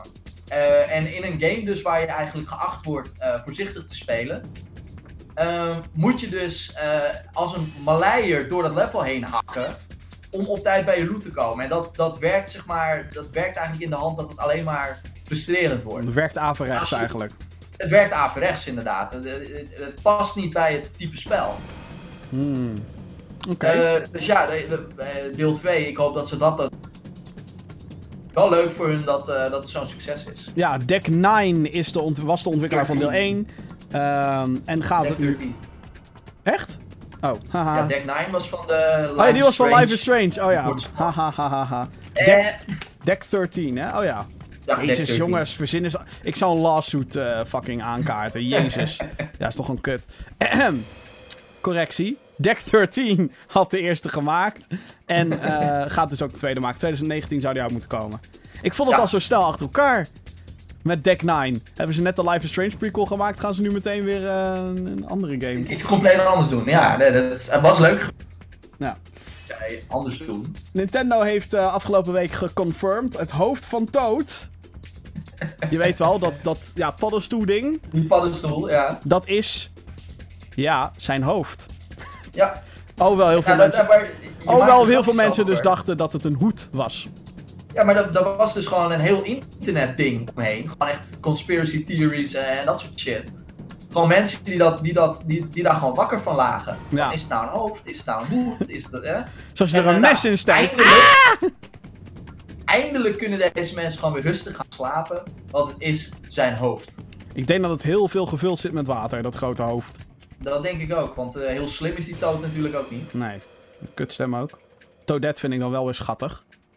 Die is leuk. Ja, Dat vind ik dan ook wel weer fascinerend, want die heeft van die kleine, zeg maar van die soort staartjes, Van die bolletjes. Ja. Is, is dat dan haar of is dat dan... extra schimmel. Is Mario eigenlijk gewoon toadfetussen aan het eten, zodat hij groeit? Oh shit. Want die hebben ook oogjes. Ja, De super ja, mushrooms. ja, ja. Gadverdamme, het wordt alleen maar gruwelijker. Ja, eh, het, nieuwe, het nieuwe drama. Die... Ja. Overigens, oh ja, dat heb ik net even geskipt, maar die Super Mario animatiefilm wordt inderdaad gemaakt door de mensen achter Minions, werd ook nog eh, gezegd. Ja, Illumination. De Dead Rising ontwikkelaar, Capcom Vancouver, die eh, verliest 30% van zijn werknemers. Eh, er zijn een aantal ontslagen gevallen. Ehm, het nieuwe project van de Dead Rising franchise wordt teruggebracht in schaal, hebben ze bevestigd. Ja, maar Jim. Dit is toch. Dit, dit kon je toch zien aankomen? Ja, De Dead Rising was exclusief voor de Xbox. Heeft geen reet gedaan. Hebben ze afgelopen november hebben ze Frank's Big Package uitgebracht. Voor de PS4. Eh, Dead Rising 4. Voor de PS4. Ja, wat had je verwacht? Ja, sowieso. Dat hele Dead Rising. Kijk, ik, ik, ik had de. Ik, de enige waar ik echt hele positieve verhalen over hoor. is deel 1. Ja, En dan hoor ik over deel 2 al van. Ja, dat was wel geinig, maar. eh, ik heb zelf heb ik er geen eentje gespeeld. En dan, toen kwam deel 3. Ik weet nog heel goed dat dat onze eerste Gamescom was. Dat wij deel 3 zagen. klopt. Op de Xbox One. Nou, dat, dat hakkelde als een motherfucker. Ja. Dat ik dacht van, nou, die framerate, ik weet niet of dit wat wordt. Nou, sowieso was het toen inderdaad een Xbox One exclusive. Toen kwam die naar de PC, had jij hem gespeeld? ja klopt. Toen was je was een leuk niet. spel, maar ja, ja, niet bijzonder. Niet bijzonder. En, toen kwam Dead Rising 4 en toen dacht ik, ja, het zal wel. Weet je Ja. wel, het, het, het, het, het, het is niet iets bijzonders meer. Het is een zombie game. Ja, boeien. We hebben er daar al 80.000 van. En, Ja, maar ik zou, het, ik zou het ook leuk vinden als, als ze dan, iets anders gaan doen. De Ja. studio. en als je dan Stop, bijvoorbeeld... stop met dat Dead Rising. Ja, als je dan bijvoorbeeld ook ziet wat zo'n Dying Light dan doet. Nog steeds, hè? Nog steeds, by the way. Ja, maar Dying Light ziet er gewoon fucking vet uit. Dan heb je dat beetje Mirror's Edge meets zombie. Dan denk ik, ja, Ja, ja, ja. vet. En dan zie je Dead Rising gewoon weer hetzelfde trucje doen. Van, oh kijk, we hebben zombies en we hebben gekke wapens. Oeh, je hebt nu Ryu-handschoenen. Oeh, Hadouken. Ja, Want we ja, zijn nee, van het is, eh, het is een beetje klaar, denk ik, met Dead Rising. Ja. Wel, wel sneu natuurlijk voor die mensen die daar ontslagen zijn. Tuurlijk, Ehm, maar ja, ik bedoel, als, als een project eenmaal niet loopt of whatever. eh, ik vind het dan ook raar dat ze dan zeggen: ja, we gaan het in schaal gaan we naar beneden halen. Terwijl volgens mij is het geinige van Dead Rising juist dat het. Hoe groter de schaal, hoe, hoe groter de chaos, hoe leuker. Toch? Ja, nee, dat klopt. Dus ja. Ik kan me ook trouwens nog herinneren dat ze toen bij die Xbox persconferentie. dat je met Smart Glass. Oftewel, Ja, je ja, second ja, screen op je mobiel. kon je airstrikes erin doen. Voor om fucking zon. Yeah, zat er nooit in. Nee, want Smart Glass is eh, ook weer zo'n gefaald project. Ja. Dat second screen, jongen. Holy fuck. Dat je een drone kon inroepen voor de Division. Dat was onze, Ja, ja was- het, in theorie was het allemaal heel tof. Ja. Het is het allemaal nooit... eh, het was onze codenaam voor scheiden. Ik ga even dronen. Zodat Ja, iemand die op de wc kon alsnog kon meespelen. Ja.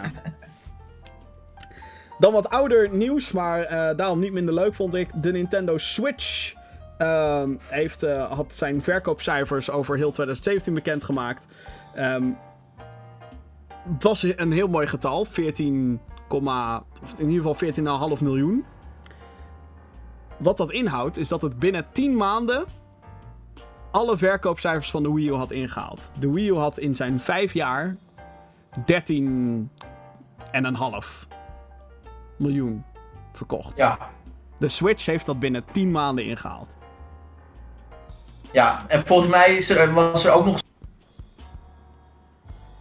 Nog een eh, keertje, ten opzichte van de. nog een keertje, je valt weg. Er was ook nog zo'n bericht eh, ten opzichte van de library van de, van de Wii U en de Switch.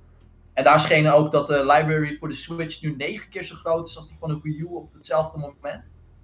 Dus er zijn ook veel meer games. Oh ja, ja, dat, ja, er zijn veel meer indies die eh, Ja, hun shit er allemaal op hebben gezet. Ja, het is echt... Ah, jongens, wat zei ik vijf jaar geleden over de Wii U precies?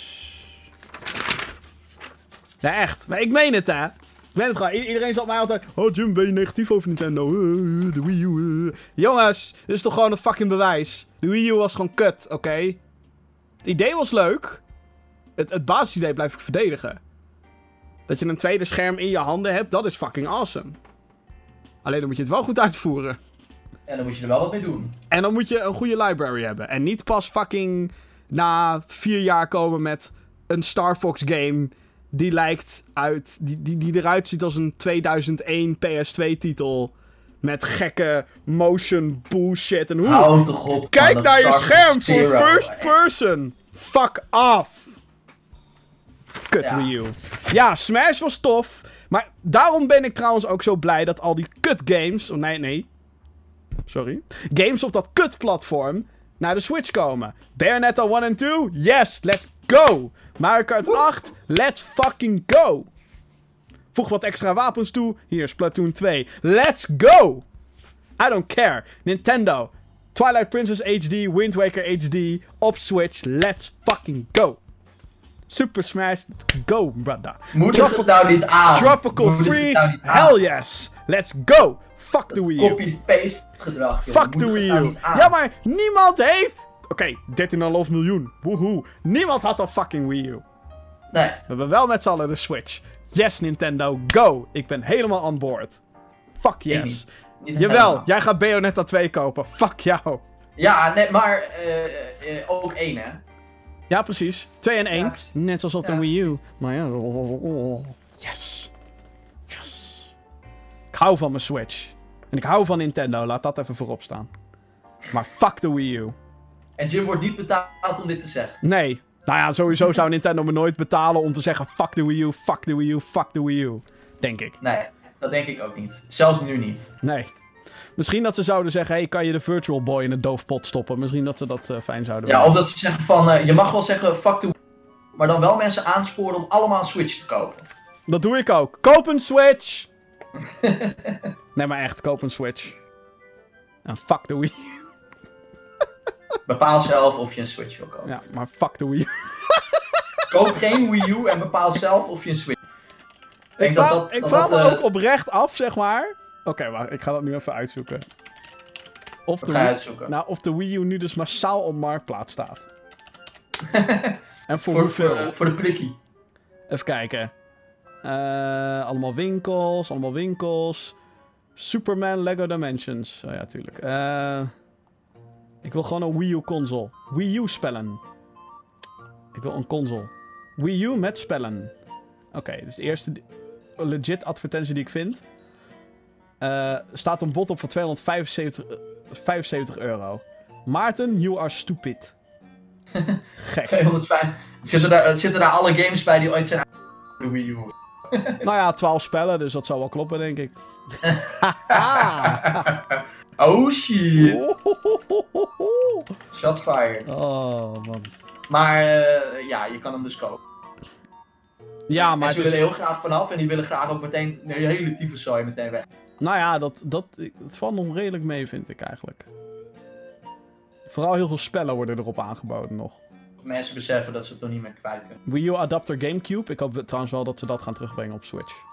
Dat je die Gamecube controllers kan aansluiten. Dat was een fucking, fucking slimme move. er- was toch al, er was toch al zo'n ding. Dat je, je, je had die, eh, die update uitgekomen voor de Switch. Ja. eh, die het ook mogelijk maakt om nu de Wii U Gamecube adapter aan te sluiten op je Nintendo Switch. Mm, een aansluiting om een aansluiting om een aansluiting. Ja, dan moet je maar even opzoeken. Maar volgens mij was daar een update voor uitgekomen. Oh. Dat zou awesome zijn, want de GameCube controller is awesome! Breng gewoon alle... Nee, Eén maar van de- ik meen dit zo serieus, hè. Breng gewoon al die Wii U games die goed waren naar de Switch. Who cares? Ja, Maar- nou, als we dan toch bezig zijn, dan wil ik ook nog wel wat GameCube games eh, Ja, aanbieden eh, voor de Switch eh, ja release. dat wil denk ik iedereen. Oké, ehm, de mail. Podcast.gamergeeks.nl. Dat is het eh, mailadres waar jij de hele week je vragen kwijt kan. Ehm, dus als je iets te melden hebt voor de show... eh, laat dat dus vooral via dat adres weten. Allereerst een mailtje van Jurien. Hallo Jim en andere Gamergeek. Wat vinden jullie van GeForce Now? Eh, ik vind de uitkomst dat je met een wat slechtere computer AAA-games kan spelen. Ook al het nu nog in beta en het werkt niet altijd. Het is wel chill. Dat vind ik gek. Eh, het is nu nog gratis, maar ik denk wel dat het een betaaldienst wordt. Ja. Wat denken jullie van GeForce Now? Vind ik het goed. Jurien. Dus, eh resume. GeForce Now is dus een soort van streamingdienst.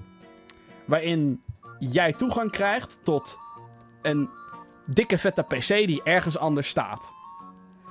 Ehm, je hebt dan twee standen die je nu kan kiezen. Eh, nu, er is nu inderdaad een beta gaande en die is dan gratis. Maar uiteindelijk wordt de dienst zo dat je voor een GTX 1060 videokaart, performance, bla bla bla, betaal je 25 euro. Of dollar is het nu nog, maar laten we even van euro's uitgaan. Voor 20 uur. En voor hetzelfde bedrag, 25 euro, eh, krijg je 10 uur met een GTX 1080. Dat is er wel echt een dikke vette motherfucking 1080. Ehm, maar daar kan je dus mee spelen. Nadeel, eh, de games krijg je er niet bij. Dus het is niet zoals een PlayStation Now dat je dan in één keer een game kan spelen. Nee, je moet wel daadwerkelijk ehm, eh, de game al hebben. En dit is dus een beetje waar ik eh, grote twijfels heb van deze dienst. Want Jezus, dat klinkt wat ingewikkeld ook. ja, dus eigenlijk huur je een dikke PC. Die je, eh, eh, die je alleen maar kan krijgen door middel van een internetverbinding. Want je streamt het soort van naar jou toe. Maar je Ja. moet wel de games hebben. Dus je kan dan op je, op je MacBook of op je kleine kutlaptopje... kan je dus in theorie zeggen... Oké, dit is mijn Steam library. Dit fucking vette spel wil ik spelen. En dan pak je de kracht van een PC die ergens anders staat. Ja. Ehm, ik zit me heel erg af te vragen, voor wie de fuck is dit? Voor wie is dit? Want als je een diehard gamer bent, heb je een dikke videokaart. Sterker nog, de 1060 is niet eens zo pokkenduur meer volgens mij. Zo'n videokaart. Ja, maar Wat zeg je? Je valt weg. wat is niet duur? Ik zeg dat is subjectief, hè? Wat is duur, wat is niet duur? Eh, klopt, maar 25 euro voor 10 uur of voor 20 uur, of voor 10 uur als je echt een high-end ding wilt, dat is duur, vind ik. Vind ik duur. Zeker omdat je dan ook gewoon aan zo'n tijdslimiet zit. Dat lijkt me echt kut. Dat je gewoon weet, oeh, Ja, ik, ben Ik me, moet het nu uitspelen. ja, ik ben mijn geld weer aan het wegspelen. Kut. Dat, dat vind ik kloten. Ja. Ehm, Alsof je op een tellertje aan het spelen bent, Ja. inderdaad. Dus het is niet een vast bedrag per maand, dat is kut. Je krijgt de games er niet bij, dat is kut. Dus voor wie is het dan? Je gaat toch ook geen game kopen als je niet zeker weet dat je het kan draaien? Tuurlijk, het is PC-gaming, bla bla bla bla bla. Maar daar zijn inmiddels refund-opties voor, voor bij alle digitale shit-dingen. Maar wa- waarom zou je dan een game kopen? Oh ja, ja, die kan ik niet goed draaien op mijn eigen PC, maar ik ga GeForce Now... eh, Wat? En dan, en dan is er nog een Ja, ander... ja. Dan is er nog een ander argument. En dat is natuurlijk. Stel je bent veel op reis. Oké, prima. Waar het niet dat je, en ik heb de specificaties opgezocht. Je echt een dikke, vette, fucking goede internetverbinding moet hebben. Wil dat enigszins stabiel werken. Ja. En dus als je kan het niet in Italië gaan zitten spelen. Nee, je kan echt niet via je 3G-netwerkje in de achtertuin. No fucking way. Nee. Dus Dus je hebt er gewoon niet je hebt er echt geen tering aan. De enige nut die ik er serieus in kan vinden is op een LAN-party. Dat je gewoon met een crap laptop daar gaat zitten. Fuck it. LAN-party, want daar heb je altijd dikke vette verbinding als je LAN-party een beetje goed is. Op DreamHack was het in ieder geval wel zo. Ja, Hoppakee, dat is geen ja probleem. nee, dat is slim. Dat is slim. Maar dan, Dan, is, ook, dan, wordt een LAN-party ook veel toegankelijker. maar, als je niet zo'n dikke PC hebt. maar ook dat is super specifiek. Ja. En dan ben je alsnog, want als je een heel weekend gaat landpartyen, zit je alsnog op die teller. Dus dan moet je weer Ja. extra... Nou, nee, sorry. Ik vind het... eh, Het idee aan zich qua technologie is super vet. Heel nieuw is het niet natuurlijk, want we hebben al PlayStation Now. Dat is natuurlijk ook gewoon een externe computer die zijn gegevens naar jou toestreamt. En dat je dan speelt. Mhm. Ehm, we hebben Utopic in Nederland. Hebben we. ja, Nou zal dat ongetwijfeld niet op een 1080 whatever draaien, maar ik heb het zelf nog nooit uitgeprobeerd. Zou ik wel een keer moeten doen eigenlijk. Maar het nut hiervan snap ik gewoon niet heel erg. Voor wie is dit? Want als je er echt goed over nadenkt, met de prijs en wat je ervoor moet doen en wat het allemaal nodig heeft. Eh, het, het kost, het kost een hoop. En, eh, en eh, uiteindelijk kan je dat geld beter stoppen in een, een goede computer, denk ik. Ja, dat denk ik dus ook. Ik heb zelf een 1080 in mijn PC zitten. Prima. Whatever. Ik heb geen idee wat er in mijn PC zit. Dus- Kan je makkelijk opzoeken. Als je, als je Nvidia hebt staan, gewoon in je GeForce Experience. Staat, staan al je dingen gewoon. Handig. Hallo Gamergeeks. Nvidia zoek gebeurt er al niks. Ik wil een horrorspel kopen, maar weet niet welke. Welke raden jullie aan? Dat vind ik een goed Ruben. Horrorspel. Ja, zo. Een spel dat eng is. Hm. Ja, ik ben, ben zelf niet zo van de horror. Resident Evil zit even na te 7. The Evil Within. Ja, ja, Resident Evil is goed, goed gereviewd. Evil Within is goed gereviewd. Als je van cheap ass jumpscares houdt, Five Nights at Freddy's. Ehm, ik zou zelf zeggen PT, maar ja goed, die kan je niet meer downloaden. Ik heb een he- hele tijd geleden heb ik een uh, Colette. Het is Ah, niet Colette. per se een horrorspel. In die komt rijden, die vond ik Je valt echt de hele tijd weg. De hele fucking tijd. Hallo, Hoi. Eh, kwam wel door, toch? Ja, Colette nog. Ja, dat woordje, ja. Ja, nou ja, dat vond ik een tof. eh, niet per se een horrorspel, Oh. maar wel eh, spannend. Little Nightmares. Ja, Ook niet per se een horrorspel. Wel eng. ja Creepy. gewoon, gewoon spannend. Ja. Dus Ja. dat. Little Nightmares. Hm, ja. Eh, even kijken. Eh, Jens.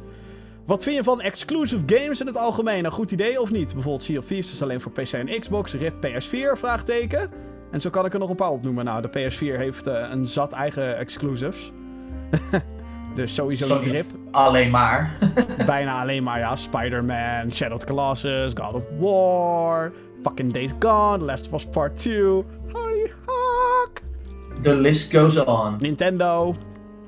Eh, ja, wat vinden wij van exclusive games? Eh, als we het dan toch over de Xbox hebben, dan zou ik zeggen: Xbox step your game up. Ja.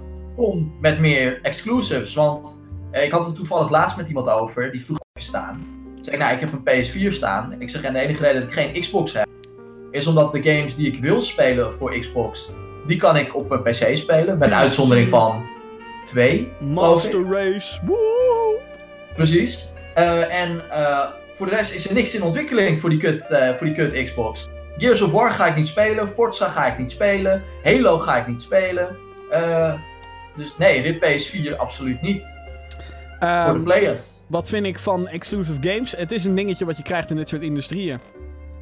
Zo simpel is het. Ehm, Het is ook iets wat je nodig hebt. Het is, ja, het is kut voor de algemene gamer natuurlijk. Want, oh ja, nu word ik soort van geforceerd om dit of dat platform te kopen. Maar ja, je, je moet ergens mee komen.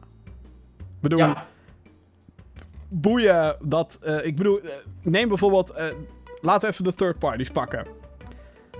Ja, Battlefield en Star Wars Battlefront en Assassin's Creed zijn inderdaad op Xbox en PlayStation.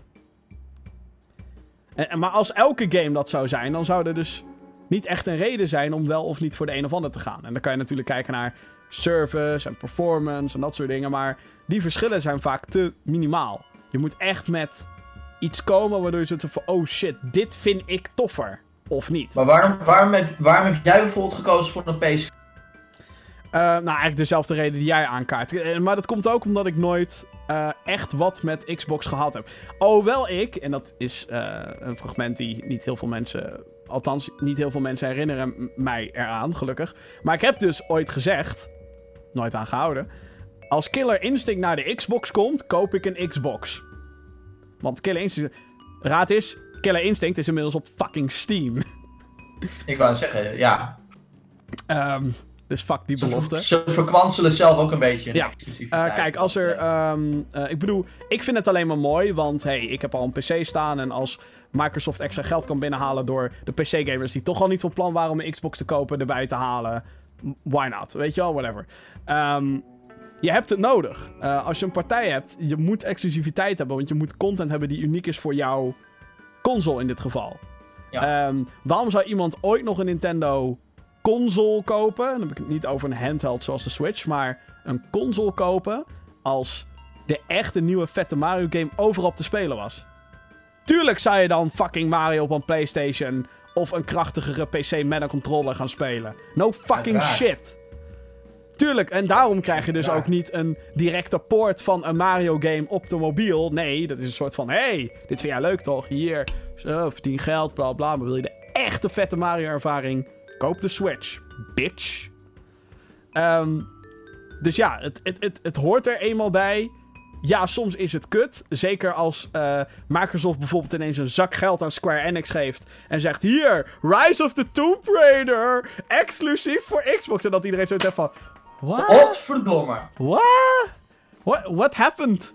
En dan vervolgens flopt dat keihard. Want ja, wie gaat fucking Rise of the Tomb Raider nou op dezelfde dag release als Fallout 4? Are you insane, mate? En vervolgens scoort die game veel beter op PC en PS4. Zodra dat tijdelijke exclusiviteitsbullshit eraf is. Ja, dan is het kut. Maar goed, dat, je merkt ook meteen de gevolgen van dat soort acties. En dat Ja. vind ik dan zeg maar mooi. Ehm, ja, de PS4 eh, sprak mij inderdaad meer aan door...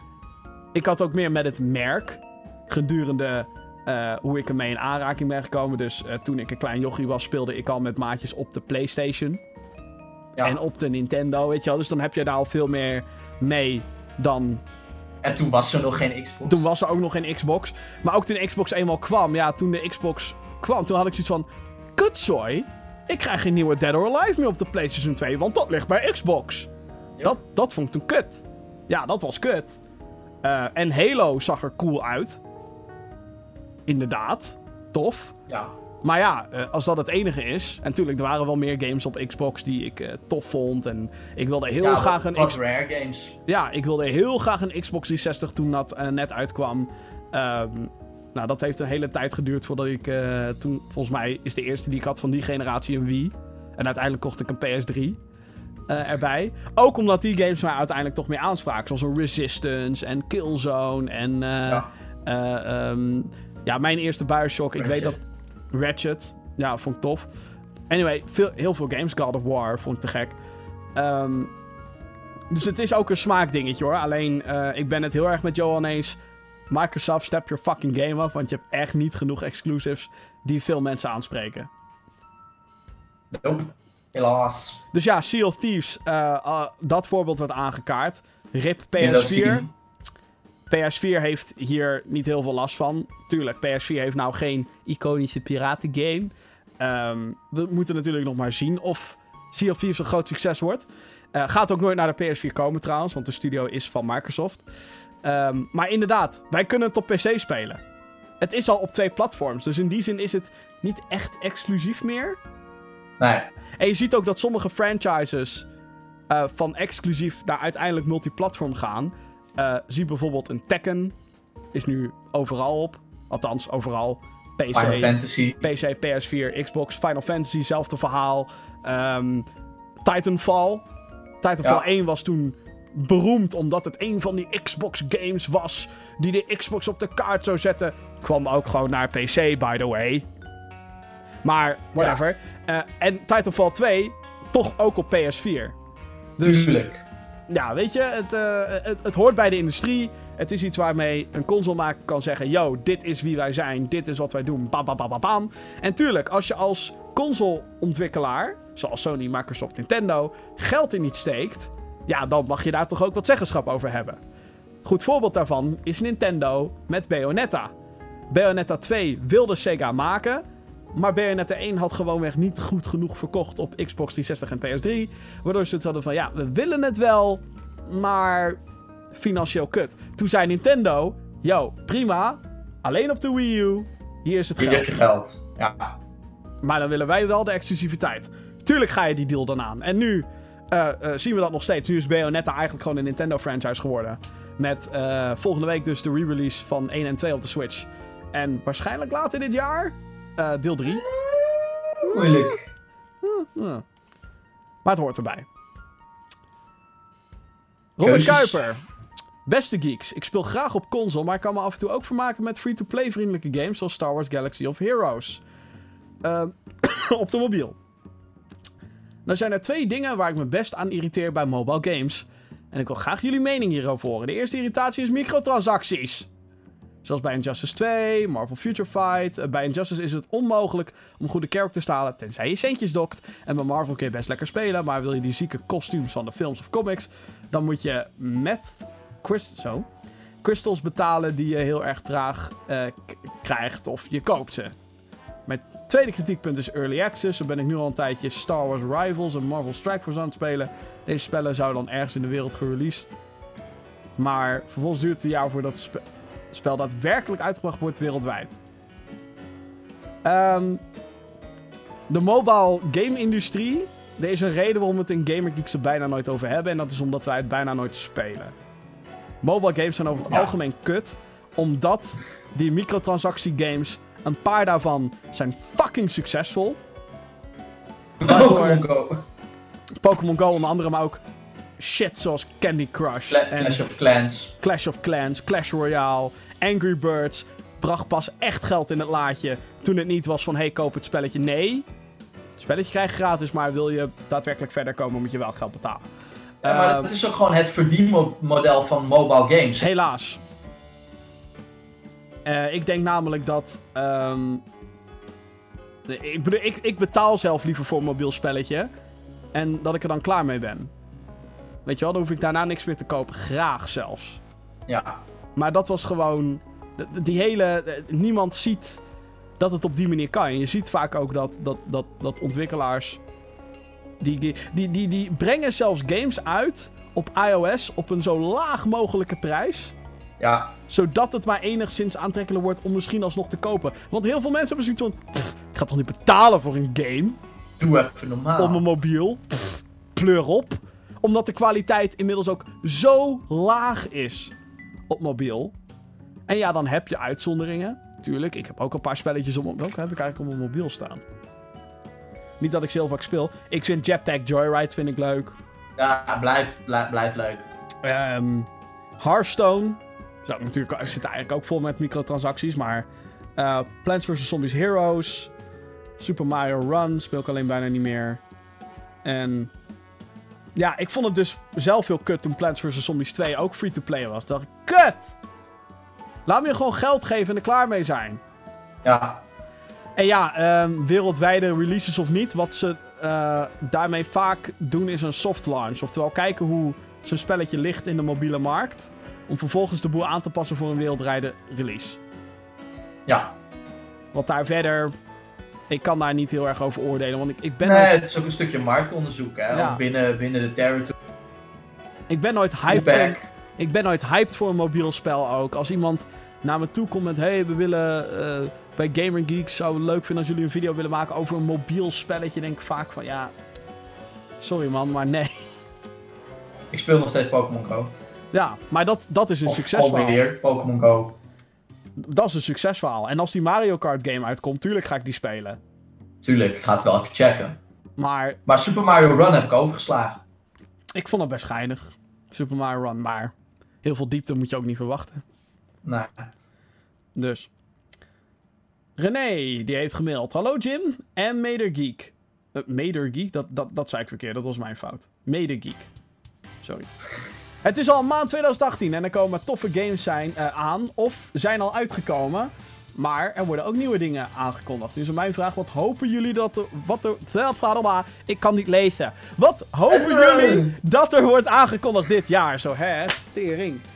gaat het? Ja, nee, het gaat niet. Nou, F-Zero dus. Yeah, boy. Ja, wat, wat hoop ik dat... Jezus, dat is wel echt een moeilijke vraag. Want er is al heel veel uitgekomen. Zelfs nu al, terwijl we in februari zitten. Bloodborne Eh, Er 2. komt nog heel veel aan. Bloodborne 2. Bloodborne 2. Die misschien stiekem toch al is aangekondigd. Misschien wel. Shadows Die Twice. Ehm, Doom 2 wil ik aangekondigd zien worden van na, dit jaar. Of nou ja, Doom 2. Een opvolger van 2016 Doom. Doom 2019. Yeah, boy. Oh man, wat heb ik daar zin in. Fuck, nu al. Heb ik, ik, Splinter Cell. Fucking Splinter Cell. Een Rayman of Prince of Persia, please. Fucking, fucking Splinter Cell gewoon. En, En, wat heb ik daar ehm, lang op. Eh, ik had net eentje, fuck. Oh ja, hadden we het net al over, Super Smash. Ja, Smash. No-brainer natuurlijk. Gewoon een nieuwe Smash. Ja, en voor de rest, ja, het, het- klinkt een beetje, een beetje, beetje verwend, maar ik ben op zich best wel verzadigd of zo. Als ik ook zie wat er nog aankomt en waarvan ik denk, oké, die ga ik kopen. 20 april Call of War, Ja, eh, de februari Bayonetta en, eh en dinges. Eh, het is, al, het is niet Shadow. alsof we genoeg tijd hebben om alles uit te spelen wat we Nee. hebben. Nee, dus het is ook niet dat ik denk van, oké, kondig alsjeblieft nog wat spelen. Ik, ik, ik hoor het in meerdere gaming podcasts dat heel veel mensen soms gaan oproepen. Jongens, hou gewoon collectief op met een jaar lang. Breng gewoon een jaar lang geen nieuwe videogames uit, dan kunnen we alles inhalen. Ja, zoals The Last of Us, als die in 2019 uitkomt, Ah, doe maar. yeah. Doe maar. Want dan, eh, dan heb ik misschien een keertje tijd om die andere shit te spelen. Man, man, man. Nee, eh, ja, nee, maar dat zijn wel een beetje die denk ik. En nogmaals, fucking Splinter Cell. Hallo Ubisoft, als je kijkt. Splinter Cell, Sam Fisher, ken je hem nog? Dankjewel. No one cares. God damn it, jongens, echt. Hallo Ubisoft. Weten jullie nog? Die andere fucking vette franchise, Prince of Persia. Je weet wel. Hoi. Doe- dat maar. Hi. Ja, maar ja, dat wordt moeilijk natuurlijk met Assassin. Dat, dat bijt elkaar natuurlijk enorm. Nee, joh, ben je gek. Hoewel, nou ja, nu, nu vooral denk ik met die Egypte set. Maar misschien als ze naar China gaan dat het niet zo erg is. Hey eh, Ubisoft, hey. Er is nu een best wel succesvol dingetje. Eh, misschien heb je ervan gehoord. Eh, het heet de Switch. Volgens mij hebben jullie een of ander teampje in een kelder ook een of andere game laten bouwen. Mario en Rabbids of zo. Kut konijnen. Ehm, weet je wat nou tof zou zijn? Ehm, als je gewoon de eerste drie Rayman games pakt en dat gewoon op de Switch duwt. Dat zou ook tof zijn inderdaad. Zo, oh, dat zou vet zijn zeg. Gewoon een ideetje. Holy shit. Gaat niet gebeuren, maar zou wel vet zijn. Eh, laatste mailtje van Mike YOLO. het Is staat het Mickey Yolo? Mike YOLO? Mickey Yolo. Ja, ik vind het gewoon leuk. Mike YOLO. Mike Yolo. Gaan jullie naar Dutch Comic Con met Counter-Strike Piet? Counter-Strike Piet is dood! Hoe Is vaak dood. moeten we dat fucking nog zeggen na vier jaar? Die is Jesus dood. Christ. Ehm, niet de persoon achter Counter-Strike Piet, by the way, maar... Die leeft nog, die springleven, die slaapt. eh, eh, Dutch Comic Con, dat we, ik zou er eigenlijk niet op rekenen. We zitten nog wel niet. te twijfelen of we naar de Dutch YouTube Gathering gaan. Ja, en misschien is dat wel een mooi bruggetje. Als wij zouden staan op de Dutch eh, YouTube Gathering, zou je dan komen voor de meet and greet en handtekening? ik kan het niet eens serieus vragen. Man. Ja, nee, we, we hebben een aanbieding gekregen om op een stand te gaan staan. En dat we dan een half uurtje kunnen meeten en greeten met mensen. Maar of daar behoefte aan is, daar twijfelen wij allebei eh, heel erg aan. Ja. Niet dat we onszelf alleen maar eh, willen neerpraten of zo. Maar ik zie het gewoon niet gebeuren dat mensen... Oh my god! Is dat Jim? Jim en Johan van de Gamer Geeks. Nou, dan ga ik even naartoe. Nee, nee, dat Nee, zie, dat denk zie ik gewoon niet gebeuren. nee. Maar we willen toch even peilen, want voor je het weet zijn er wel mensen die dat heel tof zouden vinden. En dan kunnen we het misschien overwegen of alsnog gaan. En hebben we misschien een gemiste kans gehad, inderdaad. Precies. Dus eh, laat het even weten. Ja. Goed, dat waren de mailtjes. Dus eh, als jij nog vragen hebt voor de show, de hele week kan je mailen naar podcast.gamergeeks.nl. Dus ehm ga lekker met me. Doe dat vooral. Nee, er is, er is eentje tussenuit gevallen. Echt? Ja, ja het was, we hadden best wel een interessante mail. Ik ben, even zijn naam. was iemand die heeft, eh, was een eh, best, wel, best wel heftig verhaal. Die heeft een half jaar geleden heeft hij een hersenbloeding. En die heeft daardoor de functionaliteit in zijn linker min of meer verloren. En die vroeg zich af of wij eh, meer wisten van eh, gamen met één hand. Ehm, nou, ik kan je vertellen, ik heb daar verder geen verstand van. Maar ik vond het, eh, ik vond het wel een heftig verhaal om, om te lezen. Dus die persoon die heeft nu ja, minder capaciteit in zijn linkerhand, waardoor het dus moeilijker is om te gamen. En die zoekt eigenlijk gewoon naar ja, oplossingen, hulpmiddelen om dat, om dat weer mogelijk te maken. Maar die hele mail die is gewoon verdwenen, joh. Zat hij wel in de podcast mailbox? Oh, misschien zat hij wel in de redactiemail. Dat zou nog kunnen. Interne zaken. Dat is wel een heel Eh. interessant inderdaad. Oh, ja, hier. Ja, ja, hier staat hij. Mike Solleveld is zijn naam. Hmm. Zal ik hem voorlezen? Ja, doe maar even. Ja, is, eh, Eh, even kijken. Beste Gamergeeks, ik ben Mike Solleveld en heb twee... Oh, sorry. Resultaat dat ik mijn rechterhand, sorry, rechterhand, niet optimaal kan gebruiken. Alleen de linkerhand blijft over voor games. Mijn hoofdgames waren hoofdzakelijk first-person games zoals Battlefield, Call of Duty en Assassin's Creed.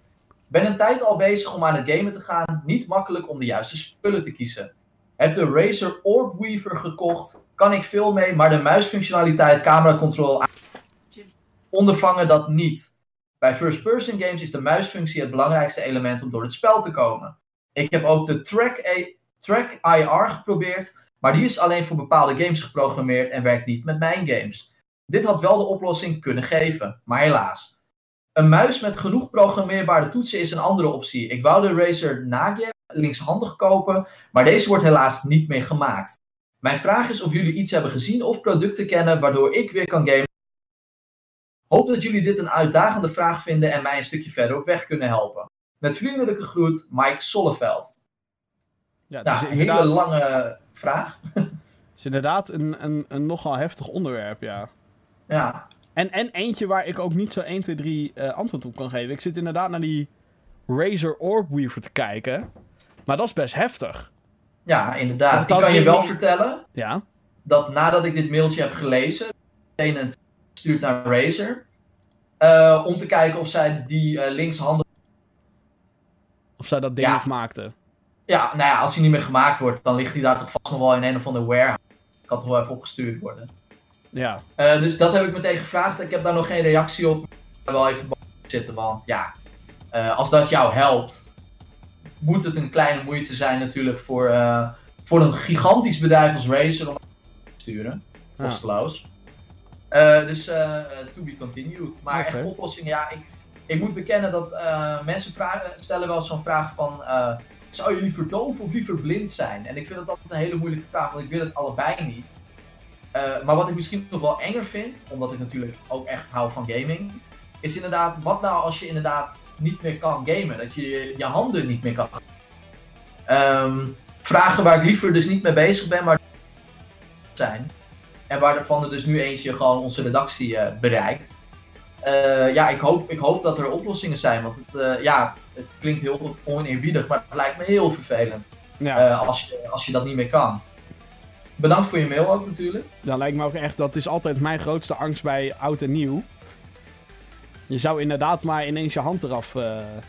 Oh, jij steekt nog vuurwerk af. Nee, absoluut niet. Maar Oh, oké. je weet nooit wat er kan gebeuren met al die gekkies die met dat vuurwerk zwaaien de hele tijd. Ja, nee, dat is zo. Dat is zo.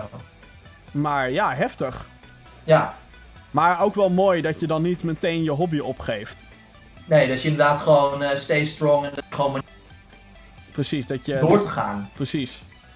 Dus dat vind ik eh, een hele goeie. Ja, Ja, nee, inderdaad, to be continued.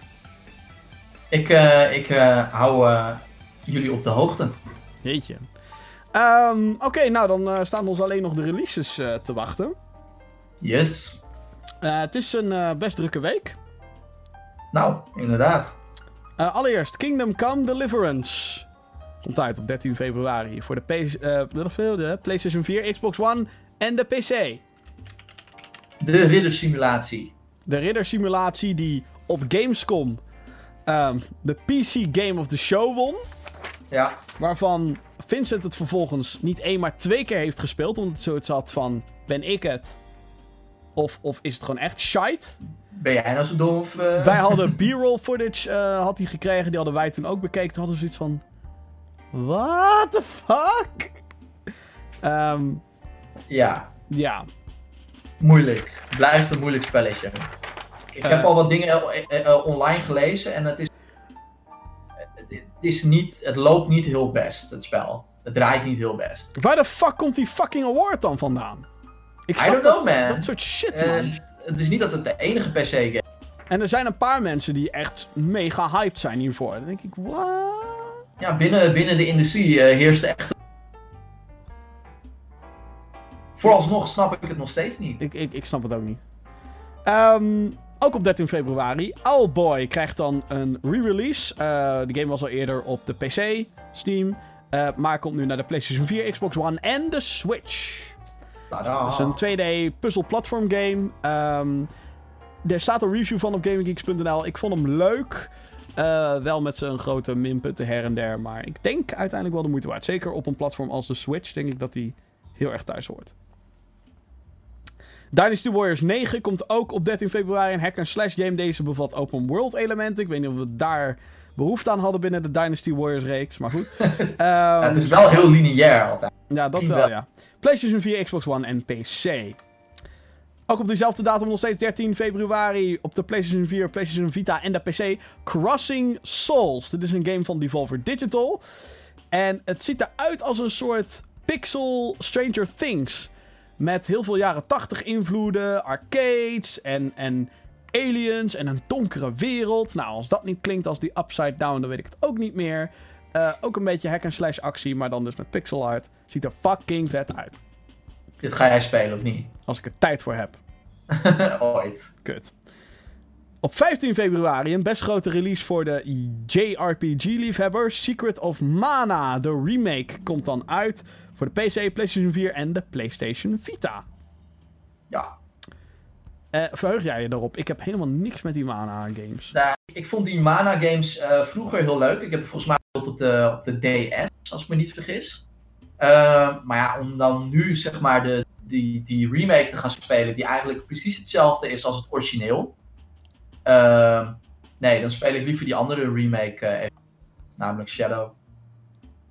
Ja, Ik sla hem over. Dat is ja ik, eigenlijk ik het vind het er ook helemaal niet indrukwekkend uitzien. Ik heb zoiets van, oh ja, dit is, Nee, helemaal niet. dit is de reden waarom sommige dingen gewoon lekker op de Super Nintendo moeten blijven ook. Zat hij ook niet op de SNES? het, het heeft natuurlijk wel een following. Dus... Ja, maar zat hij niet op de SNES Mini? Sorry? De Secret of Mana? Eh, dat kan. Dat weet ik. Ja, er stond wel een Mana game op. Maar of het ook de originele Secret of Mana... Ja, er zijn zoveel gekomen in die reeks. Weet ik eigenlijk niet of dat, eh, of dat die was. Even kijken. Final Fantasy... Condor, Punch. Ja, Secret of Mana op de SNES Mini. Nou, daar kun je hem ook op spelen. Ja, dus ik zou zeggen, doe dat dan vooral. Ja, inderdaad. Goed. en eh, als laatste op 16 februari Bayonetta 1 plus 2 op de Switch, een re-release. Je vergeet, je vergeet V. Op dezelfde dag. Oh, fuck! Waar hebben Wat? Nee, V, niet fuck. V. V. Oh ja, V komt ook nog. v, die eh, indie game van EA. En eh die hadden wij op Gamescom gezien, hè, die game. Ja, die hebben wij, eh, we hebben nog even met de ontwikkelaar gesproken. Speelt als een soort vosje in een magische wereld. Je moet met dieren praten. Wauw. Zingen vooral. Zingen. Je moet met Ja. ze leren communiceren. Ik ben, eh, ik ben heel nieuwsgierig naar deze. ben ook nieuwsgierig, maar ik moet wel zeggen dat ehm, door de teruggeschaalde marketing van EA, het feit dat ze het soort van anderhalf jaar hebben laten rusten en dat toen zoiets van, nou, laat maar zien op Gamescom, whatever, Mhm.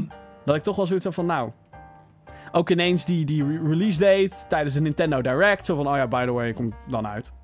Leuk. Ja, nee, ja, klopt. Het is allemaal een beetje een soort van, eh, oh ja, oh ja, dit en dat. Het heeft in ieder geval niet de hype van Unravel achter zich. Daar werd echt een Nee. big deal over gemaakt en dit is zo van, ja, het komt uit. En dat terwijl V is ontstaan uit het succes van Unravel. Ja, zeker. EA Originals platform. Ja. Dus eh, ik, eh, ik, vind, ik vind het bijzonder van EA dat ze die ondersteuning niet geven. Nee, precies. Eh, komt uit op PlayStation 4, Xbox One, PC en Switch. Ja, ja, ja. Alleen ik ga, ik ga, ga hem sowieso dan niet op Switch spelen. Ik eh, ga hem voorlopig sowieso nog niet spelen. Nee, ik ook niet geen tijd.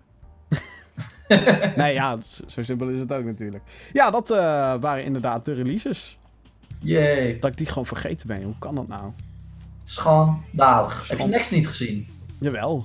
Maar ja, soms dan glippen dingen door je vingers heen. Zoals dat sommige mensen ook nog steeds niet doorhebben dat vier jaar na dato Counter-Strike eh Piet er niet meer is. dood is. Ja, Dood en begraven, hè, moet ik zeggen trouwens. en gecremeerd. Vervolgens is die grond in de fik gezet. ik weet niet hoe dat... Nou ja, het kan wel, maar... maar ja. Nou, hij was helemaal zwart, dus eh, ik denk dat het goed is gegaan. Oh god.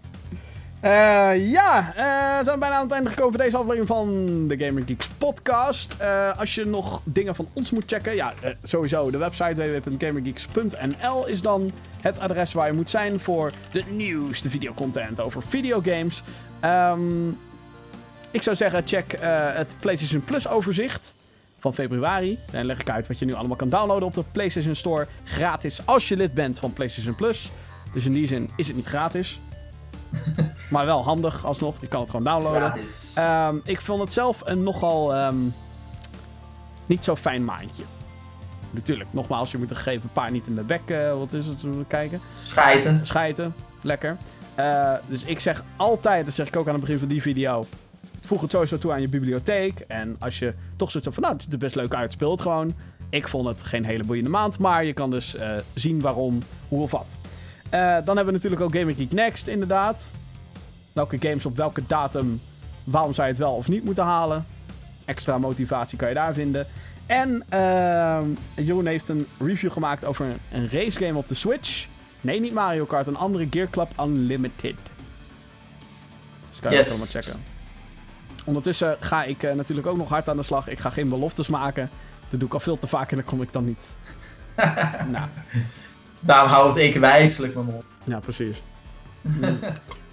Ik ben wel een aantal dingen aan het spelen natuurlijk. Eh, Uiteraard. Dragon Ball Fighter C, Shadow of the Colossus, Bayonetta komt eraan. Dus eh, ik ben genoeg aan het doen, maar eh, we- we zien het wel. Ja, precies. Dit was de Gaming Geeks podcast. Heel erg bedankt voor het kijken, dan wel het luisteren. En tot een volgende keer. Yes, later.